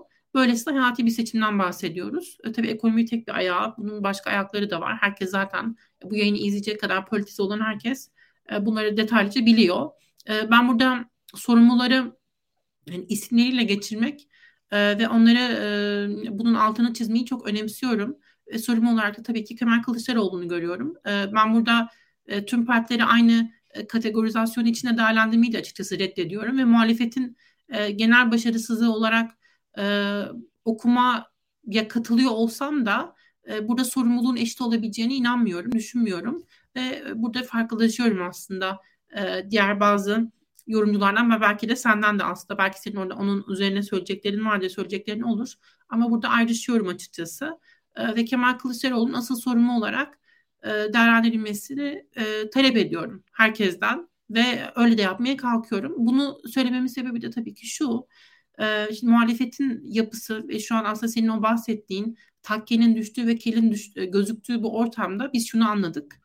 Ve işte bu çeşitli söyleşilerden de anladığımız kadarıyla bu parti yapıları tamamen e, ortadan kaldırılmış. Buralar aslında bir nevi kayyumlaştırılmış. E, yani bozuk delege yapıları, e, ve yeni partilerin zaten tamamen lider partileri olmasından hareketle e, ve bu hani eski olarak nitelendirebileceğimiz Cumhuriyet Halk Partisi gibi yapılarda da delege e, üzerinden ilerleyen bir sistemlerin olması sebebiyle bu e, partilerin bir şekilde kayyumlaştırıldığını biz anlıyoruz. Yani burada demokratik e, sistemler işletilmiyor ve tamamen artık orada e, işte genel başkan olarak kim seçildiyse ve delegeler üzerine kim bir şekilde hakimiyet kurduysa, kurduysa onun kaldığı ve hiçbir aslında denetleme mekanizmasından geçemediğini, parti içi kanalların tamamen pasifize edildiğini, parti meclisinin işlemediğini, genel başkan yardımcılarının keyfi şekilde e, işte görevden alındığı ya da görevlerini e, görevlerini yapmalarına izin verildiğini, baş danışmanlık, danışmanlık gibi kadroların tamamen dağıtıldığını, bunu, bu fiyaskoyu zaten e, seçim sonrasında daha net bir şekilde görüyoruz. Özellikle son birkaç gündür. E, bilmiyorum beyefendinin adı neydi? Zafer Partisi ile işte bir şekilde ilişkili olduğu vesaire. Sonrasında e, böyle böyle bir e, pasifize olma hali. Yani nihayetinde demokratik e, kanalların hiçbir şekilde işletilmediği muhalefet parti yapıları ve nihayetinde de e, bu altılı masa kurgusuyla birlikte zaten 5 e, pardon 4 partinin hiçbir e, şekilde halkların hiçbir aldıkları desteğin olmadığı anketlerde inanılmaz yani anketleri yansımayacak kadar bile bir durumun aslında gözlemlendiğini hiç yani bu hangi partiye oy vereceksin sorusu sorulduğunda işte telefon ya da nasıl yüz yüze yapılıyorsa bu anketler bu sorulara yanıt verebilecek kadar bile seçmeni olmayan partilerin dahil olduğu bir masa etrafında belirlenmiş belirlenmeye kalkılan bir e, adaylık sürecini biz izledik ve nihayetinde e, aday Kemal Kılıçdaroğlu oldu. Kemal Kılıçdaroğlu bu e, sürece çok uzun zamandır talipti. Çok büyük bir iş başardığını iddia etti ve yine kendi çevresinde bir şekilde artık bilmiyorum nasıl tarif etmek lazım. Sus payı verdiği mi diyelim bir şekilde makam dağıttığı bir şekilde artık belediyelerden mi ne üzerinden bir şekilde o kaynakları dağıttıysa o sözleri vererek kendi çevresinde kümelenmesine e, sağladığı bir organizasyon, bir yapı parti içinde ve nihayetinde bu beş e, diğer partilerin e, de liderler düzeyinde temsil edilmesiyle aslında orada da tamamen e, muhalif seçmenin de iradesini ortaya koymasına fırsat tanımayacak bir süreç izledik. Kemal Kılıçdaroğlu çok gönüllüydü aday olmak için. Çok istedi. Bütün bu süreci yürütmeye çok talipti ve nihayetinde aday da kendisi oldu. Bu yüzden bu sorumluluğu taşımak anlamında e, onun e, onun taşıması gerekir bu sorumluluğu. Seçimleri kaybedilmesi halindeki sorumluluğu da elbette ona yıkmak gerekir. Onun e, bu şekilde yargılanması ve değerlendirilmesi gerekir. Ben bunu açıkça tartışmayı çok önemli buluyorum ve bunu bu şekilde ifade etmeyi çok önemli buluyorum. E, şimdi son günlerde özellikle Cumhuriyet Halk Partisi liderliği üzerinden yaptığımız bir tartışma var. O da şu, ideoloji mi lider mi e, tartışması. Bazı işte arkadaşların fikirleri burada farklılaşıyor benden. Onların önerisi bu ideoloji tartışması yapılmadan isimlerin tartışılmasının, liderlerin tartışılmasının bir anlam bir anlama tekabül etmediği, bir anlamının olmadığı meselesi. Ben buna katılmıyorum. Hatta bilinçli ya da bilinçsiz e, liderlik yerine ya Kemal Kılıçdaroğlu'nun istifası yerine tartışacağımız her türlü muhalif e, tartışmanın e, bir sabotaj olduğunu düşünüyorum. Yani dediğim gibi bu bir bilinçli olabilir, bilinçsiz de olabilir. Nihayetinde asıl meseleyi yani Kılıçdaroğlu'nun koltuğunu e, koruması meselesini e, ne yol, aç, yol açtığını bu tartışmanın e, aslında muhalefet içindeki muhalefetin e, halindeki belirsizliği bir şekilde soğurmaya e, burada Kemal Kılıçdaroğlu'nun koltuğunu koruyacak bir e, gündemi yaratmaya yönelik olduğunu düşünüyorum. O yüzden Kemal Kılıçdaroğlu'nun istifa etmediği hiçbir muhalefet tartışmasının e, verimli olabileceğine inanmıyorum. E, evet şu doğru olabilir yani biri gitsin biri gelsin tartışması temelde doğru olmayabilir ama bu koşullar altında biri gitsin tartışması elzemdir, önceliklidir ve biri gitsin tartışması yapılmadan yapılan her tartışma anlamsızdır. Bunu kanıtlamak için de şunu ortaya koyardım. E, Tayyip Erdoğan meselesi aslında. Yani biz nihayetinde seçimlerde e, milyonlarca farklı insan, milyonlarca farklı milyonlarca farklı partinin seçmeni olamazlar ama farklı partilerin farklı ideolojileri destekleyen insanlar e, bir e, adaya oy vermeye kalktı. Bir e, ortak adaya oy vermeye kalktılar. Ve buradaki amaç misyon aslında e, Tayyip Erdoğan'ın gitmeden onun Cumhurbaşkanlığı koltuğunu bırakmadan Türkiye'de bir şeylerin düzeltilemeyeceği gerçeğine dayanıyordu. E, kimi zaman bazı insanların e, elde ettiği kudretler e, o kadar fazla oluyor ki elde ettikleri güçler o güç o kadar fazla oluyor ki onlarla vedalaşmadan birçok şeyi ortaya düzlüğe çıkarmak mümkün olmuyor. E, o yüzden ben Kemal Kılıçdaroğlu'nun istifasını tartışmadığımız hiçbir tartışmanın nihayetinde anlam ifade ettiğini düşünmüyorum. İlkan sen ne dersin? Yani e, muhalefet konusunda şöyle. Türkiye'de e, birincisi şu var. Muhalefetimiz e, bunun tekrar üzerinden geçelim. Mesela STK'lar olarak, sivil toplum olarak yeterince örgütlü değil. Onun dışında elde bir tek partiler var. Partiler en değerli şeyler. E, Türkiye'de sadece siyaset önemli. Ve siyasette muhalefet bir noktaya gelmedikten sonra da Türkiye'nin e, Türkiye'de bir değişime e, yol açması çok zor gözüküyor. Sadece alttan alta gelen e, bir sosyal dönüşüm var. Türkiye'de muhalefet adına ilerleyen tek şey de bu. Bunun da e, hiçbir yapıyla alakası yok. E, muhalif partilere gelirsek de şu var. Cumhuriyet Halk Partisi e, yönetiminin kapasite sorunu olduğunu görmemek açık. Yani gö görmemek mümkün değil daha doğrusu. E, bu Kemal Kılıçdaroğlu da da buna dahil ve kesinlikle haklısın. Kılıçdaroğlu bu seçimi kaybettikten sonra e, hele hele Yaşar'ın o dediği ifade çok önemli. E, seçimleri e, kazanmasa da en azından kazanma ihtimali vardı. Yani şu anda ihtimal de yok artık. Yani e, gelecekte herhangi bir seçimi Kemal Kılıçdaroğlu'nun kazanma ihtimali olduğunu Kemal Kılıçdaroğlu inanmıyor ve bugün de şunu görüyorum. Kılıçdaroğlu'nun temel stratejisi erken seçimden bahsetmiş. Erken seçim nedir? E, Tayyip Erdoğan'ın sağlık durumu kötü olmadıktan sonra erken seçim olmasının imkanı yok. Ve şu anda Kılıçdaroğlu'nun e, vahim bir şekilde dedikodulara dayandığını yani e, o bunu dedi bu bunu dedi ye dayanan bir iktidar yapısı var karşımızda. Yani hatta Kılıçdaroğlu iktidarını bir ideolojiyle tartışmanın şu an e, ideoloji tartışılacak değerde bir Kılıçdaroğlu yönetimi yok şu an Cumhuriyet Halk Partisi'nin başında. Yani öyle söyleyeyim. Yani ideolojik bir yani Kılıç temel stratejisi Tayyip Erdoğan'ın sağlık durumu olan birisinin ideolojik bir pozisyonu yoktur bir defa. Yani yani şimdi Kılıçdaroğlu çünkü son attığı tweet yani o bu hani o erken seçim e, yaklaşımının tek açıklaması, tek siyasal ya bana İlkan neden erken seçim olabilir diye sorduğun zaman Tayyip Erdoğan sağlık durumundan dolayı Türkiye'de ancak erken seçim olabilir. Türkiye'nin ana muhalefet partisinin lideri şu an erken seçimden bahsediyorsa Türkiye'nin Cumhurbaşkanı sağlık durumunu temel politik stratejisi olarak ortaya koymuş demektir. Erken seçim gibi politik bir kavram Türkiye'nin ana muhalefet partisinin genel başkanına ciddi bir ideolojik bağlamda yani, yani şunu söyler.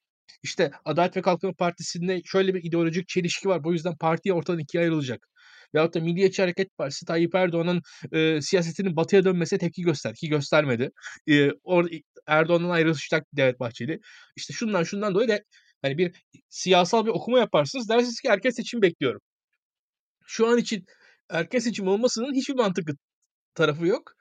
E, e tek mantıklı tarafı Erdoğan'ın sağlık durumu. E şimdi siyasetinizi Erdoğan'ın sağlık durumuna bağlamış bir noktada siz siyaset yapıyorsanız sizin oturup herhangi bir insana ideoloji ideoloji soracak haddinizin olmaması gerekir bir defa. Yani benim açımdan ideoloji ya gerçekten ciddiye alırım.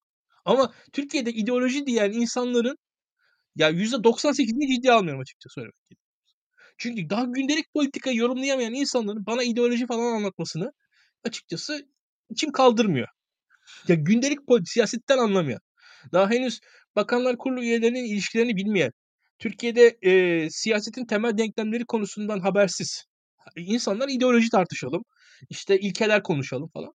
Ya bugün e, şunu da gördüm. Birazcık daha eski yayınlara baktım. Parlamenter sistem tartışmalarımıza baktım hatta. Daktilo'da da yapmışız. E, burada e, işte akademisyenler parlamenter sistem önermişler. 2021'de falan biz tartışmışız. Ben o zaman da ne gerek var falan demişim. E, düşünüyorum yani e, ne kadar sistem, nasıl parlamenter sisteme geçilecek falan tartıştığımız yayınlar vardı Daktilo'da bizim. ben ya ben hatta Beril'le olan bir yayında şunu demiştim. Tanrı'yı güldürmek istiyorsan ona planlarını anlat demişti de Beril çok gülmüştü. Yani e, hakikaten eski tartışmalarımıza bakıyorum. E, bizler e, muhalefette kavramlarla, ilkelerle kendi gözümüzü boyuyoruz ve ortadaki realiteyi görmüyoruz diye düşünüyorum. Ortadaki realiteyi hatta analiz edemediğimiz için kavramlara ve ilkelere kaçtığımızı düşünüyorum hatta. Yani basitçe söyleyelim. Mesela Hakan Fidan'ın MİT'teki etkinliğinin boyutları hakkında hiç kimsenin fikri yok. Ama insanlar diyorlar ki parlamenter sistem. Yani biz Hakan Fidan'ın ilişkilerini bilmiyoruz. Biz e, atıyorum e, Selçuk Bayraktar'la e, mesela Mehmet Şimşek arasındaki ilişkinin boyutunu e, Selçuk Bayraktar'la Mehmet Şimşek arasındaki ilişkinin boyutunu e, bir e, yabancı e, kaynakta oku, okuyarak öğrenmiş bir kitleyiz. Hiçbir şeyden haberimiz yok. Oturuyoruz parlamenter sistem şöyle ilkeler böyle sol değerler falan. Ya bana biraz gülünç geliyor bunlar. Türkiye'de olan bitenden habersiziz açıkçası. Ee, şu an diyelim ki mesela Türkiye'de şu anda Milli Savunma Bakanlığı denilen sivil kurum askerileştirildi. Daha bunun ideolojik analizini herhangi bir sol, sağ, liberal çevre yapmadı. Yani Türkiye'de bir bakanlık daha öncesinde sivil insanlar geliyordu. Artık asker insanlar gelmeye başladı. Bunun hakkında yazılmış ben bir doğru düzgün yazı görmüyorum. Yani e, ya bir bakanlık askerileştirildi gözümüzün önünde. İçişleri Bakanlığı'na e, bir vali atandı. Yani enteresan bir şekilde e, siyasetimizi bambaşka bir noktaya getiriyorlar. Yani siyaset profesyonellerinden ise bürokrasinin etkinliği giderek artıyor. Bakın Berat Albayrak'ın bürokratları bakan oluyorlar. Bir, bir taraftan bir diğer taraftan e, yani işte böyle memurlar bakanlık e, yapmaya başladılar. Yani ülkede emekli güvenlik bürokratlarının bakan olmasına yönelik siyasete girmesine yönelik son ciddi eleştiriyi Süleyman Soylu yaptı. Bakın ülkenin haline bakın. yani bu e, son ciddi eleştiri Süleyman Soylu yaptı televizyonlarda. Ya emekli güvenlik bürokratları bakan olamaz diyen bir muhalif daha duymadım. Yani herhangi bir ya bu kadar solcu var, bu kadar liberal var, bu kadar özgürlükçü var, bu kadar hani darbelere falan karşı insanlar var değil mi baktığınız zaman? Ya emekli güvenlik bürokratlarını bakan yapmayalım. Siyasetçi yapmayalım. Ya bu insanlar emekli olur olmaz siyasetçi kıyafetini giyerek başlamasınlar. Bu sağlıklı bir düzen değildir. Yani ya şöyle söyleyelim. Ya emekli hazine bürokratlarının bir anda özel bankalara geçmesi ne kadar sıkıntı yaratır? E, emekli Merkez Bankası bürokratlarının bir anda e, bir özel bankanın başına geçmesi hangi e, kaşları kaldırtır onu düşünelim. Yani bakın bütün bunları arka arkaya getirin. Ne kadar sıkıntılı bir şey aslında. Türkiye'de böyle sorular bile sorulamıyor. Biz utanıyoruz. Biz ama ideoloji tartışıyoruz. Yani e, biz aslında bir şey tartışmak istemiyoruz. E, ve şunu görüyoruz. Mesela ideoloji tartışalım. E, mesela bir anda Ümit Özdağ ile anlaşabilmek hangi ideolojiye uyuyor? Yani açıkçası.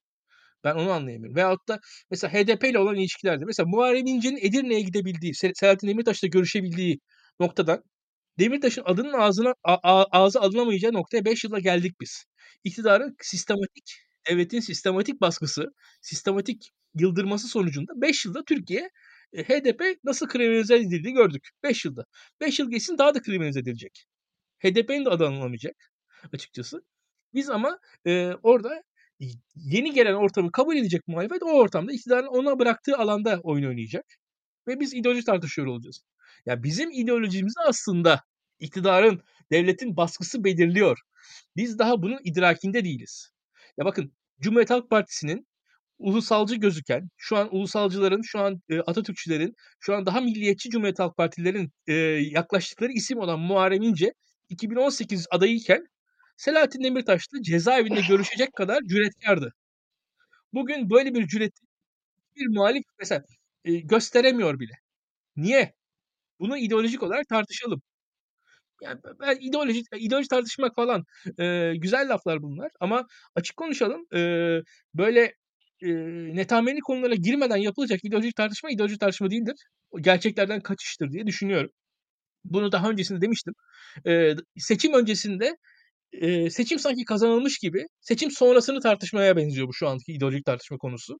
ben o konuda çok ciddi e, bu ideolojik tartışmadan e, şeyim yani hani e, beni sinirlendiriyor bu ideolojik tartışma konusu biraz öyle söyleyeyim. Yani e, daha ileri de gidebiliriz. Burada işte hani e, yani Michel Foucault'un Habermas'ın falan e, gündelik konularda neler yazdıklarına bakabiliriz. Ya, ya filozofların falan birçoğu gündelik konularda yazıyorlar ya. Böyle hepsi e, ansız zamansız şeyler falan yazmıyorlar. E, gayet öyle bir metinleri var yani. Bizler e, sanki e, bir güncelin içerisinde yaşamıyor, yaşamayan insanlar gibi bakıyoruz bunlara.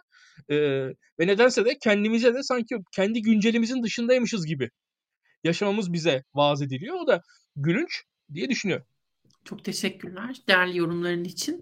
Yaşar senin bunu eklemek istediğin bir, e, notlar var mı yoksa e, NATO'ya geçebilirim yavaş yavaş ama senin notların varsa önce onu alayım.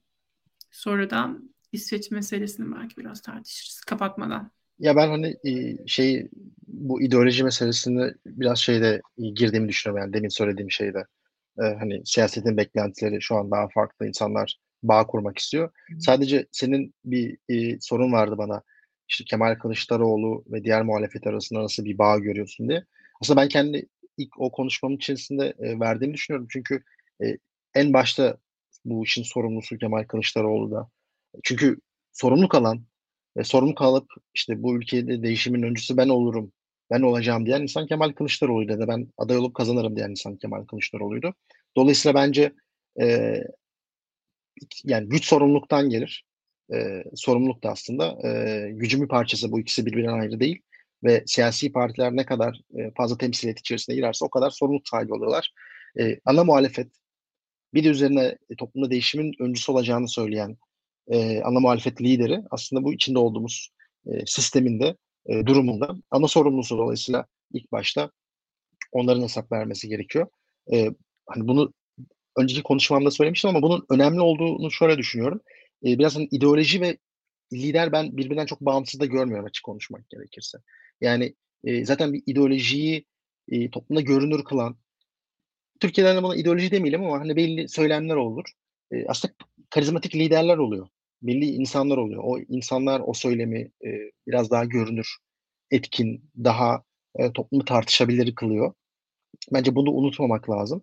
E, ben bu ikisi arasında da çok böyle e, birbirini dışlayan, biri bir ve biri sıfır gibi bir şey de görmüyorum. E, bunlar aslında zaten birbirini besleyen, birbiriyle gelen, e, birbirini güçlendiren şeyler ama e, dediğim gibi şu an siyasetin ana konusu e, ideoloji tartışmaların ötesinde siyasetin e, aslında e, o insanlarla kurduğu ilişki, duygusal, e, sürükleyici gücü ve insanların bir şey çözeceğine dair inanç. Dolayısıyla Dolayısıyla hani bunu işte lider dersiniz, teşkilat dersiniz, organizasyon dersiniz. Bunu daha önemli olduğunu düşünüyorum ama NATO'ya geçebiliriz tabii. İlkan, e, senin yorumların nedir? İsveç'in e, NATO üyeliği ile ilgili olarak Erdoğan'ın çekincelerini Türkiye adına yaptığı çekinceleri ortadan kaldırmış olması ve e, bugün paylaşılan sosyal medyadan fotoğraflar hakkında. Ben bu süreci izliyordum bir defa genel olarak şöyle söyleyeyim. Recep Tayyip Erdoğan dış politikadaki tavırları konusunda fazla ideolojik olarak yaklaşılmaması gerektiğini genel olarak biz tecrübeli Türkiye Cumhuriyeti vatandaşı olarak biliyorduk. Yani bu konularda Erdoğan'ı mesela işte Mesela Erbakan saçma sapan bir laf söylemişti Tayyip Erdoğan için. E, Siyonizmin tahsildarı demişti. Cahilce bir laftı. Onun dışında işte gene bir, bir grup e, yine cahil e, Erdoğan için Avrasyacı Avrasyacı falan diyorlar. O da boş laftı açıkçası. Yok Putinci falan. Erdoğan'ın ideolojisi Erdoğancılıktır. E, çok net bir şekilde. Erdoğan için e, seçimi kazanana kadar mesela doğal gazı bedava e, dağıtmak, seçimi kazanmak için çıkarınaydı. O sıra Rusya ile arası iyiydi. Bugün Rusya e, daha güçsüz duruma düştü ve kendi çıkarlarını biraz daha ve kendi hazinesinde dövizi bitti Erdoğan'ın. E, neticede dolara da ihtiyacı var. Yavaş yavaş batı tarafına doğru kayıyor. E, benim için daha ziyade önemli olan şey bu kayışın içeriği e, yani buradan ben kendi çıkarıma bakıyorum açıkça söylemek gerekirse.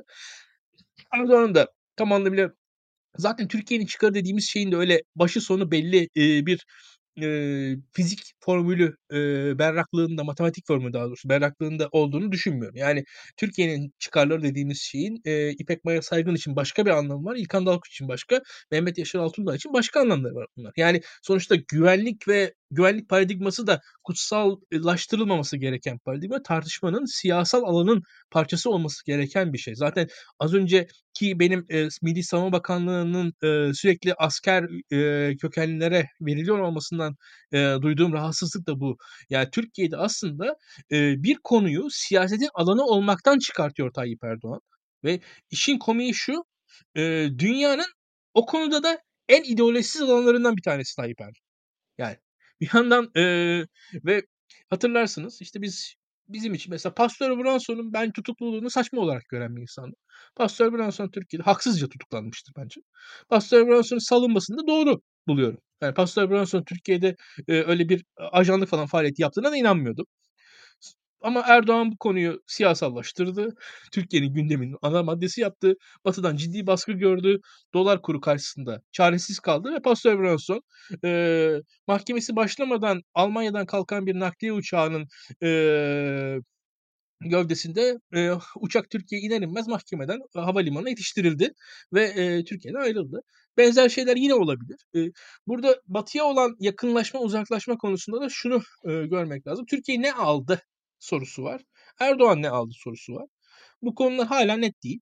Şu anda biraz baktım hiçbir netlik yok ortada. Ee, Avrupa Birliği işte İsveç'in Türkiye'nin Avrupa Birliği desteği falan bunlar e, dünyanın en geçersiz e, ve açıkçası içi boş söylemleri. Böyle bir şeyin gündemde olmadığını biliyoruz. E, yani sıradan Türkiye'de pasaport sahibi her Türk vatandaşının bileceği gibi öyle kolay kolay Türkiye'ye e, Türklere e, vizesiz Avrupa hayalinin gerçekleşmeyeceğini de Türkler az çok biliyorlardır. Biraz gerçekçi olan Türkler. E, bunun sonucunda Türkiye ne almıştır sorusuna bakmak lazım.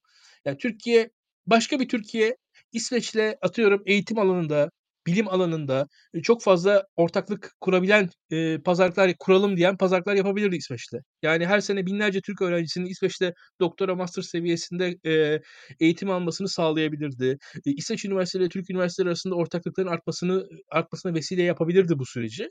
E, Erdoğan ama bu süreci daha ziyade güvenlik üzerinden değerlendirdi. Değerlendirmeyi seçti. Değerlendirilmiş gibi yaptı aslında bakarsanız. E, bir yandan da konu zaten işte mesela Kur'an yakılması gibi e, böyle popüler bir konu üzerinden de Türkiye'de tartıştırıldı. E, İsveç e, bugün Kur'an-ı Kerim'e daha saygılı bir ülke haline gelmedi. Dün de saygısız bir ülke değildi zaten aslında. Orada bir insanın yaptığı bir faaliyetti. O, onun o ülkeyle alakası da yok. Ama siz e, neyi seçerseniz o politikanız olur. Zaten işin burada önemli kısmı şu. Tayyip Erdoğan bazı politikaları yapmaya cüret ediyor açıkçası. Tayyip Erdoğan'ın en büyük özelliği cüreti. E, şunu görüyoruz muhalefet bu konularda mesela şöyle söyleyeyim e, ne kadar cüretkar olabilirdi bakmak lazım. Bu, yani şu an muhalefet Rusya'ya kadar uzaklaşırken muhalefetin olamayacağı kadar da cüretkar olacaktır. Eminim ona açıkçası. E, muhalefet çünkü e, cesareti olan bir yapı değil Türkiye'de. Dış politikada daha e, ya mesela mavi vatan kavramını eleştirebilecek bir kapasite muhalefette yok. Doğruya doğru. Ha şu anda mesela e, işte atıyorum mülteci meselesiyle mavi vatan arasındaki ilişkiyi ortaya koyabilecek bir kapasite yok muhalefette. Onun dışında muhalefette Türkiye'nin dış politikasında e, ihvanla olan ilişkisini tartışacak bir kapasite yok. Bu da gözüküyor. Eee, bütün bunların yanında da bir yandan da, eee, Suriye tarafında da, eee, buna paralel, bu gelişmelere paralel bir, eee, sıcak çatışmalar görüyoruz. Biraz bombalama haberleri gelmeye başladı. Umarız o haberler büyümez. Türkiye-İran, Türkiye-Suriye arasında da, eee, daha olumsuz ilişkilerin, eee, bu Türkiye'nin batıya yönelmesi çerçevesinde olma ihtimalinin olduğunu düşünüyorum ben kendi adıma. Bunlar beni ürkütüyor. Eee, bir yandan, eee, aslında bu batıya yönelmenin öncesinde, batıya yönelmenin öncülü olarak daha doğrusu Türkiye, Birleşik Arap Emirlikleri, Suudi Arabistan, İsrail ve Mısır'la sırasıyla, eee, yakınlaşmalar yaşamıştı. Bu yakınlaşmaların sonu artık hani Batı'nın esas, eee, gövdesine de gelmeye başladı diye düşünüyorum. Ancak ben burada, eee, Tayyip Erdoğan'ı az çok tanıyorsam, eee, Türkiye ile Batı arasındaki ilişkilerin, eee, daha ziyade 1990 öncesinde olduğu gibi, Soğuk Savaş zamanında olduğu gibi, eee, daha ziyade güvenlik temelli, daha ziyade makro politikalar temelli bir ilişkiler yumağı olacağını düşünüyorum. Burada, eee, az çok, eee, mesela hükümetin üyelerinin okumasını bilenler şunları bilecekler. Mesela Mevlüt Çavuşoğlu gitti, Hakan Fidan geldi. Mevlüt Çavuşoğlu kendi ilişkileri bakımından daha Rusya'ya yakın gözüken birisiydi. Gözüktüğü düşünülen birisiydi. Hakan Fidan ise batılı kurumlarla eee, kendi akademik hayatı ve daha öncesindeki askerlik hayatından beri ilişki kurmuş. NATO'yla eee, yine Amerikan üniversiteli ilişkiler kurmuş bir insandı. Eee, yine aynı şekilde eee, İbrahim Kalın e, MIT'in başına geldi. İbrahim Kalın da yine Amerikan doktorusu olan, hükümette benim gördüğüm İngilizcesi en iyi olan kişi. Yine Amerikan kurumlarıyla belli ilişkilere sahip olan bir insandı. E, bütün bunlar da aslında e, hükümetin e, bir de yine ayrılan diğer isme bakarsak Süleyman Soylu ve Mevlüt Çavuşoğlu ayrıldı. E, İbrahim Kalın ve Hakan Fidan yükseldi. Bunlar da aslında hükümetin tercihlerini, yeni dönemdeki tercihlerini biraz belirleyen şeyler oldu. Mehmet Şimşek ve Selçuk Bayraktar arasındaki ilişkiyi de az çok söylemiş olduk. Daha öncesinde belirtmiştim. Burada da, Türkiye'nin biraz tercihinin yavaş yavaş batıya kaydığını görüyoruz.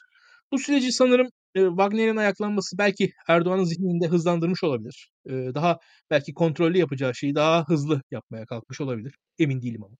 İddialı bir yorum olur bu.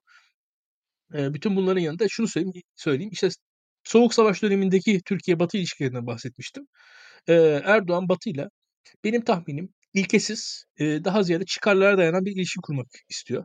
E, Türkiye'nin şanssızlığı şu, Türkiye'nin etrafında Rusya-Ukrayna savaşı gibi büyük bir savaş sürdükçe Türkiye e, 800 bin kilometre yüz ölçümü olan, dünyanın ilk 20 ekonomisinden biri olan, dünyanın en büyük 10-15 ordusundan birine sahip, 100 milyona yakın nüfusu olan bir ülke olarak zaten önemli bir ülke. Yani e, eski dünyanın yani Avrupa, Afrika ve Asya'nın ortasında NATO üyesi olan bir ülke gayet ciddi bir ülke. Bu ülkenin başındaki insan da dünya tarafından ciddi alınır. Yani en başarısız bir e, cumhurbaşkanı olsanız bile ciddi alınırsınız. Böyle bir ülkenin başındaysanız eğer. Erdoğan da e, normal şartlar altında aslında e, görmeyeceği saygıyı savaş şartları altında görüyor. Bunun da tadını çıkartıyor. E, şu an bu NATO zirvesi de aslında Erdoğan açısından e, bunun zirvesi. Biden seçildiği zaman hatırlarız yine de. Biden'la e, telefon konuşması için aylar aylar beklenmişti. Biz burada yayınlar yapmıştık. Biden aradı aramadı, konuştu konuştu, konuştu konuşmadı falan diye beklemiştik. E, ve Biden'la konuşmanın süresi tartışılmıştı hatırlarsınız. İşte 20 dakika, 10 dakikası çeviri, 5 dakikası o konuştu, 5 dakikası o, hani konuşmanın aslında ne kadar kısa sürdüğünü hesaplamıştık. E, bu konuda Nevşin Hanım ünlüdür bu arada. Onun CNN'de yaptığı bir öyle bir izahat vardı. Çok tepki çekmişti. E, şu anda e, Batı'nın selam vermediği Erdoğan e, gerek insani e, gerek e, e, özgürlükler bağlamında Batı standartlarının dışında gördüğü, e, Batı'nın ilgisinin alakasının olmadığı bir lider olan Erdoğan e, şu anki savaş şartları neticesinde e, tekrar ilgi, alaka, hürmet görür hale geldi. Bunun tadını çıkartıyor. E, ve burada da sanırım Batı'dan da alacakları var. E, bunların ben önemli kısmını da alabileceğini düşünüyorum. Yani e, ama bu aldığı şeylerin benim e, sıradan vatandaş İlkan Dalkuşçuluk hayatıma en ufak bir katkısı olacağını düşünmüyorum. İşin sıkıntısı da orada. Yani bu dış politika yapılıyor. Hani bir alverler yapılıyor ama bu alverlerin e, İlkan Dalkuç'un yani e, hayatına bir katkısı yok. Bu hayata katkısı olabilecek bir alver yapılıyor mu acaba? Ona inanmıyorum. E, o da zaten beni bu mevcut dış politikadan soğutuyor. Yoksa evet belli çıkarlar setleri e, tabii ki savunulabilir, savunulmalıdır. E, her ülkenin çıkarları var. Her ülke bir dış politika yapıyor. Ve dış politika biraz e, zaten kendi yapısı gereği anarşik, kendi yapısı gereği tam anlamıyla kurgulanamayan bir şey. Eee, ve tabii Türk dayanıyor. E, bir soğuk tarafı var. Eee, Erdoğan da pazarlıkçı bir insan olarak, eee, peygamberin sünneti olarak görüyor bunu. Eee, sonuna kadar pazarlıklarını yapıyor. Alabildiğini alıyor. Eee, ama dediğim gibi bu pazarlıkların yapılma şekli, biçimi, üslubu daha farklı olabilirdi. Türkiye bence bu alverler sonucunda bu potansiyeliyle çok daha fazla şey kazanabilirdi. Çünkü şu net gözüküyor. Yani dünyada biz hep Erdoğan'a yarar diyoruz ya bir şeyler olduktan sonra.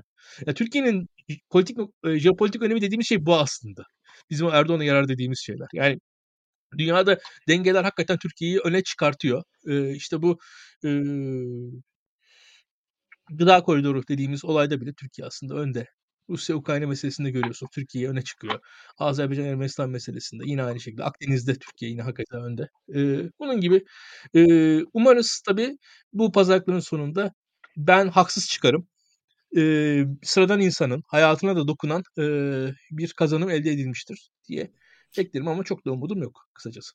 Diyeceğim bu kadar. Yaşar sen ne dersin? Kısaca alalım çok da uzatmadan. Bir buçuk saati geçtik gerçekten. İnanılmaz. Birkaç noktayla özetleyeyim ben de. Hani bu e, NATO meselesini. E, zaten e, Recep Tayyip Erdoğan bu Wagner isyanından ve Rusya'nın Ukrayna'daki yaşadığı hizmet demeyelim ama beklentilerini karşılamayan ve Rusya'nın işte en azından bu savaşı kazansa dahi e, orta ve uzun vadede e, Rusya'nın gerileceğini gördüğü için yani gerilecek derken hani işte zayıflayacağını gördüğü için burada bir avantaj e, kullanmak istiyordu zaten. E, hani sonuçta Rusya e, giderek zayıflayan bir ülke. E, yani Çin Rusya arasındaki ilişki falan bakınca da bunu anlıyorsunuz zaten. E, bu anlamda hani e, Wagner bu süreci hızlandırmış olabilir. İkincisi zaten e, İsveç'in e, NATO üyeliği aslında Türkiye'nin e, bir kozuydu yani işte F-16'ları yenilenmesi, işte İsveç'in e, terör kanununu değiştirmesine yönelik kullandığı e, birçok aslında leverage dediğimiz e, bir e, opsiyon, bir e, bir kozdu. E, Türkiye muhtemelen hani F-16 modernizasyonuna dair e, arzuladıklarını e, bu süreci son bir iki haftada takip etmedim. Yani F-16 meselesinde ne durumdayız ama işte senatoya geldi, gelecek bir şeyler olacak falan gibi söylemler vardı. E, muhtemelen bu konuda bir anlaşmaya varılmıştır diye düşünüyorum. Eğer İsveç o şey onaylanıyorsa en azından F-16'ları modernizasyonu sağlanacak ve e, bunun ötesinde İsveç hani bazı işte terörle yönelik bazı kanun değişiklikleri yapacak gibi duruyor ama benim istediğim benim okuduğum noktada e, hala Türkiye hani İsveç'in e, yeteri düzeyde efor harcamadığı, e, yeteri düzeyde işte e, Türkiye'nin terörist olarak nitelendirdiği e, insanları vermediğine yönelikti. E, birkaç kişi gönderildi ama hani Türkiye daha fazla en az 300-400 kişilik bir liste var sanırım Türkiye'nin istediği. E, ama bence e, bu noktada bir orta nokta bulunduğu muhtemelen ki Amerika ve e, diğer Avrupa ülkeleri artık hani son baskılarını yapmıştır diye varsayıyorum. Türkiye'de eğer F-16 ve işte biraz İsveç'in e, baskı yönelik istediklerini almış Rusya'nın da hani bu noktada biraz zayıfladığını e, görmüşse de bence e, bu gibi hamleler yapılmıştır ama e, sadece birkaç soru işareti bırakayım. Oralara yorum yapmayacağım. Hani Türkiye-Esad ilişkisi, Suriye ilişkisi ne olacak? Bu birinci soru bence ve bunun nereye evrileceği. İkinci soru e, Recep Tayyip Erdoğan bir e, körfez çıkarması yapacaktı. Yatırım turu yapacaktı. Hani orada e, işte Suudi Arabistan, e, Birleşik Arap, Arap Emirlikleri, e, Katar gibi ülkelerle bunların her bir arasında farklı farklı e, ilişki ve dinamikler var. Orayla e, yani sadece e, yukarı değil işte İsveç, Rusya değil, e, Körfez'le de ilişkileri nasıl olacağı, nereye evrileceğine dair e, başka bence tartışmalar yapacağız ama işte Mısır'a büyükelçilik açılması, ilişkilerin tekrar normalleştirmeye çalışılması en azından e, Erdoğan'ın e, belli safe zonlara geri döndüğünü düşündürtüyor bana. Yani işte e, en azından e, NATO'yla İsveç'i onay veren, Mısır'la ilişkileri normalleştiren, İsrail'le ilişkileri normalleştiren, e, Suriye'de artık Esad'ın kazanacağını, kazandığını kabul edip belki yeni bir statikoya doğru ilerleyecek bir adımlar atmaya çalışıyor. Belki de artık o kadar nasıl diyelim kazançlarını belki de kurtarmak istiyor. Yani yeteri kadar dış politikada agresif şekilde e, sonuna kadar giderek politikalar ürettik ve buradan e, belki bazı yani bazı bazı kazançlar elde ettik ve bu kazançları e, daha da fazla riske ederek, daha da fazla ileri giderek şimdilik kaybetmeyelim gibi bir anlayış olabilir. E, veya son söyleyeceğim bu olsun. İç politikadaki e, işte e, kemer sıkmaya yönelik politikalar var olacaksa en azından dış politikada macera aramadan bir süre e, bunu dengede götürmek. E, bu süre belki bir macera aramamak, elde ettiklerimizi e, elde edip işte F-16 modernizasyonu vesaire, işte İsveç'in terör kanunu değiştirmesi, e, buradan iç politikaya odaklanmak gibi belki e, yorumlar ilk yani bunlar benim şu an son e, bu olayı bir saat önce öğrendim. İlk benim e, ne diyelim düşündüğüm şeyler. Bunları bir e, açık şey olarak düşünüyorum. Sesli düşündüğüm gibi düşünüyorum yani. Çok sağ ol, çok zarifsin. Ben de çok kısaca birkaç şey paylaşmak istiyorum hemen çok hızlıca. Ee, tabii ki hiçbir zaman yani bu konuştuğumuz meseleler e, İsveç'in e, terörü destekledi ve bu sebeple Türkiye'nin e, onayını alamadığı meselesi bir doğruluk teşkil etmiyordu. Bunun e, sebeplerini detaylı tartışıldı zaten. İlk başta ne kadar böyle gözükmüş olsa da bunun tamamen Amerika ile yapılan işte e, F-16, F-35 pazarlıkları neyse e, savunma sanayi vesaireyle ilgili savunma politikalarına ilişkin bazı pazarlıklara dayandığını biz e, konuştuk. Tabii burada yani çok boyutlu bir şey. Mesela Avrupa, Parlam Avrupa Parlamentosu'ndan e, bir Alman vekili Yeşiller'den e, yani şu da bilmiyorum Türk kamuoyuna ne kadar biliniyor ama Macar Macaristan'da e, İsveç'in üyeliğini onaylamayan ülkelerden bir tanesiydi ve bunu Türkiye ile Türkiye'ye bağlamıştı ve bu sebepler gerçekten e, tam olarak anlaşılamadı. Mesela ne sebeple Orban e, Macar halkının e, hani çıkarları, Macar halkının beklentileri, Macar halkının e, talepleri bilmiyorum ne ölçüde yansıtmaya kalkıyor ve ne sebeple İsveç'in e, üyeliğini bloke ediyor ve nasıl bunu Türkiye ile ilişkilendiriyor mesela bu anlaşılamıyor. E, Avrupa Parlamentosu'nun Alman e, vekilinin iddia ettiği şu Orban'ın ailesinin mesela e, çeşitli böyle Erdoğan'la vesaire e, işbirliklerinin olduğu meselesi. Bu çok korkunç, utanç verici bir iddia elbette ve bunun bir şekilde e, yani Avrupalı devletlerden bahsediyoruz ve e, ben e, belki daha oryantal e, nasıl ifade edeyim e, biraz batı üstünlüğü bir perspektifle e, söylüyor olacağım. Avrupa devletlerinin en azından bunların tartışılmıyor. Avrupa devletlerine liderlik eden e, ve demokrasi olma iddiasındaki ülkelerin en azından bunları söylemiyor. Bunların e, liderlik eden e, insanlardan bunları beklemiyor olmak e, isterdim. Böyle bir hayalim vardı ama bu gerçek olmuyor. Bunu söylemek isterim öncelikle. Macaristan e, meselesi önemli bence çok konuşulmadı. Ve sonra tabii ki elbette e, bu mesele e, tamamıyla e, işte Amerika ile yapılan pazarlıklarla ilgiliydi ve e, sonrasında bu terör meselesini duyduk. E, ve İsveç bir demokrasi. Demokrasilerde e, suçun ne olduğu belirgindir. Hatta Türkiye'de de temel ilke e, suçların üretilemeyeceğidir. E, eğer yasada e, suçun ne olduğuna ilişkin bir tanım varsa bu tanım mesela esnetilemez mahkemeler tarafından ve e, her neyse ya da yeni bir suç e, üretilemez, süretilemez ve bununla insanlar yargılanamaz.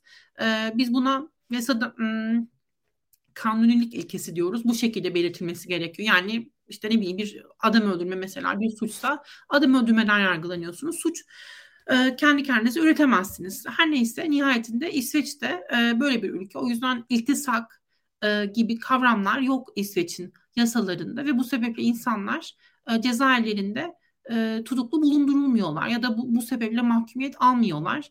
Mesela terörle e, suçlandığınız, eğer terörist olarak yargılanmıyorsanız sizin ne şekilde terörist olarak yargılandığınızın pardon nasıl ifade edelim bunu bir terör suçu bağlamında yargılandığınız iddia ediliyorsa kanıtların açıkça sunulması gerekiyor. Mesela finanse mi etmeye kalktınız? Kanıtlar ne? Ne yaptınız? Mesela uyuşturucu mu sattınız? Bu en çok konuşulan e, şeylerden bir tanesi terörün finansmanı söz konusu olduğunda bunların netleştirilmesi elzem ki siz ceza alabilirsiniz. İsveç'te bir demokrasi olduğu için kanunlar da bu şekildeydi elbette. Fakat burada da bazı e, fazla esneklik diyebileceğimiz şeyler vardı. Çünkü İsveç'in öncelikleri değildi. Burada da belli düzenlemeler yapıldı. Bir de şu şöyle bir şey var. Bu sınır dışı meselesiyle ilgili yine Türkiye'de çok bilinmeyen bir şey. Ee, yani aslında uluslararası hukuk, evrensel hukuk insanların gittiği yerlerde e, suçlu olsalar bile adil yargılanmalarını öngörüyor. Yani burada mesela e, en kuvvetli argümanlardan bir tanesi bu insanlar İsveç'te e, mahkumiyet almış olsalar da Türkiye'ye sınır dışı edilmiyor olmalarının sebebi Türkiye'de süreçlerin adil ilerlemeyeceği ve cezaevlerinde bazı işkenceye dair belirtilerin e, görüldüğü şeklinde. Bu çok e, yine korkunç bir şey aslında ve iadeyi engelleyen bir şey. Hukuk devletlerinden iade almak istiyorsanız, insanların iadesini talep etmek istiyorsanız burada sizin de cezaevlerinizle ilgili temiz bir karnenizin olması gerekiyor. Ve dediğim gibi yargılama süreçleri eğer tutukluluktan bahsediyorsak yargılama süreçlerinin şeffaf ilerlemesi gerekiyor. Mesela İlkan'ın bahsettiği örnek e, Bransa'nın e, işte uçağının hazır edilmesi ve aynı şekilde serbest bırakılması. Burada mesela biz yargının artık ne kadar e, hükümet kontrolü ilerlediğini güzel bir örnek olarak görmüştük mesela. Bu durumlarda siz kendinizi kimseyi inandıramazsınız. Kimseyi ikna edemezsiniz. Diyeceğim Avrupa Birliği meselesiyle ilgili yine çok kısa. Şimdi burada Avrupa Birliği ile ilgili biz özellikle son zamanlarda seçimlerden önce de bunu tartışıyorduk. Bir pozitif ajanda gündemi var. Pozitif ajanda gündeminin içinde vize serbestisi var. Gümrük Birliği ile ilgili e, güncellemelerin yapılması var. Güncel bir gümrük birliği ile ilgili yapılan güncellemelerin e, Türkiye'nin çıkarına olabileceği söyleniyor. Karar alma mekanizmalarına Türkiye'nin daha fazla dahil edilmesi meselesiyle ilgili özellikle onun altı çiziliyor ve Türkiye'nin lehine olabilecek bazı e, vergilendirme, işte bu gümrük vergilerinin mesela düzenlenmesi meselesi, buradaki istisnaların düzenlenme meselesi yine. Bu zaten halihazırda var olan bir şey. Ama burada e, demokratikleşmeye e, bağlanmıştı bunların e, tekrar müzakereye açılması meselesi. Onun ne olacağını bilmiyoruz. Orada nasıl bir adım atılacağını bilmiyoruz Avrupa Birliği tarafından. Ama belli ki İsveç'in üye olmasıyla birlikte bu koz artık ortadan kalkmış oldu.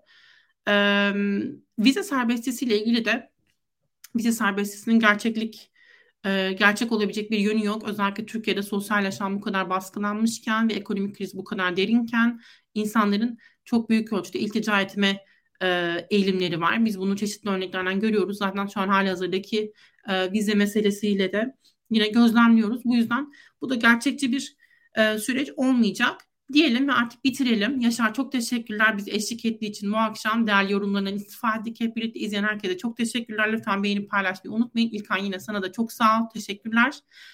Diyelim ve kapatalım. Haftaya görüşmek üzere.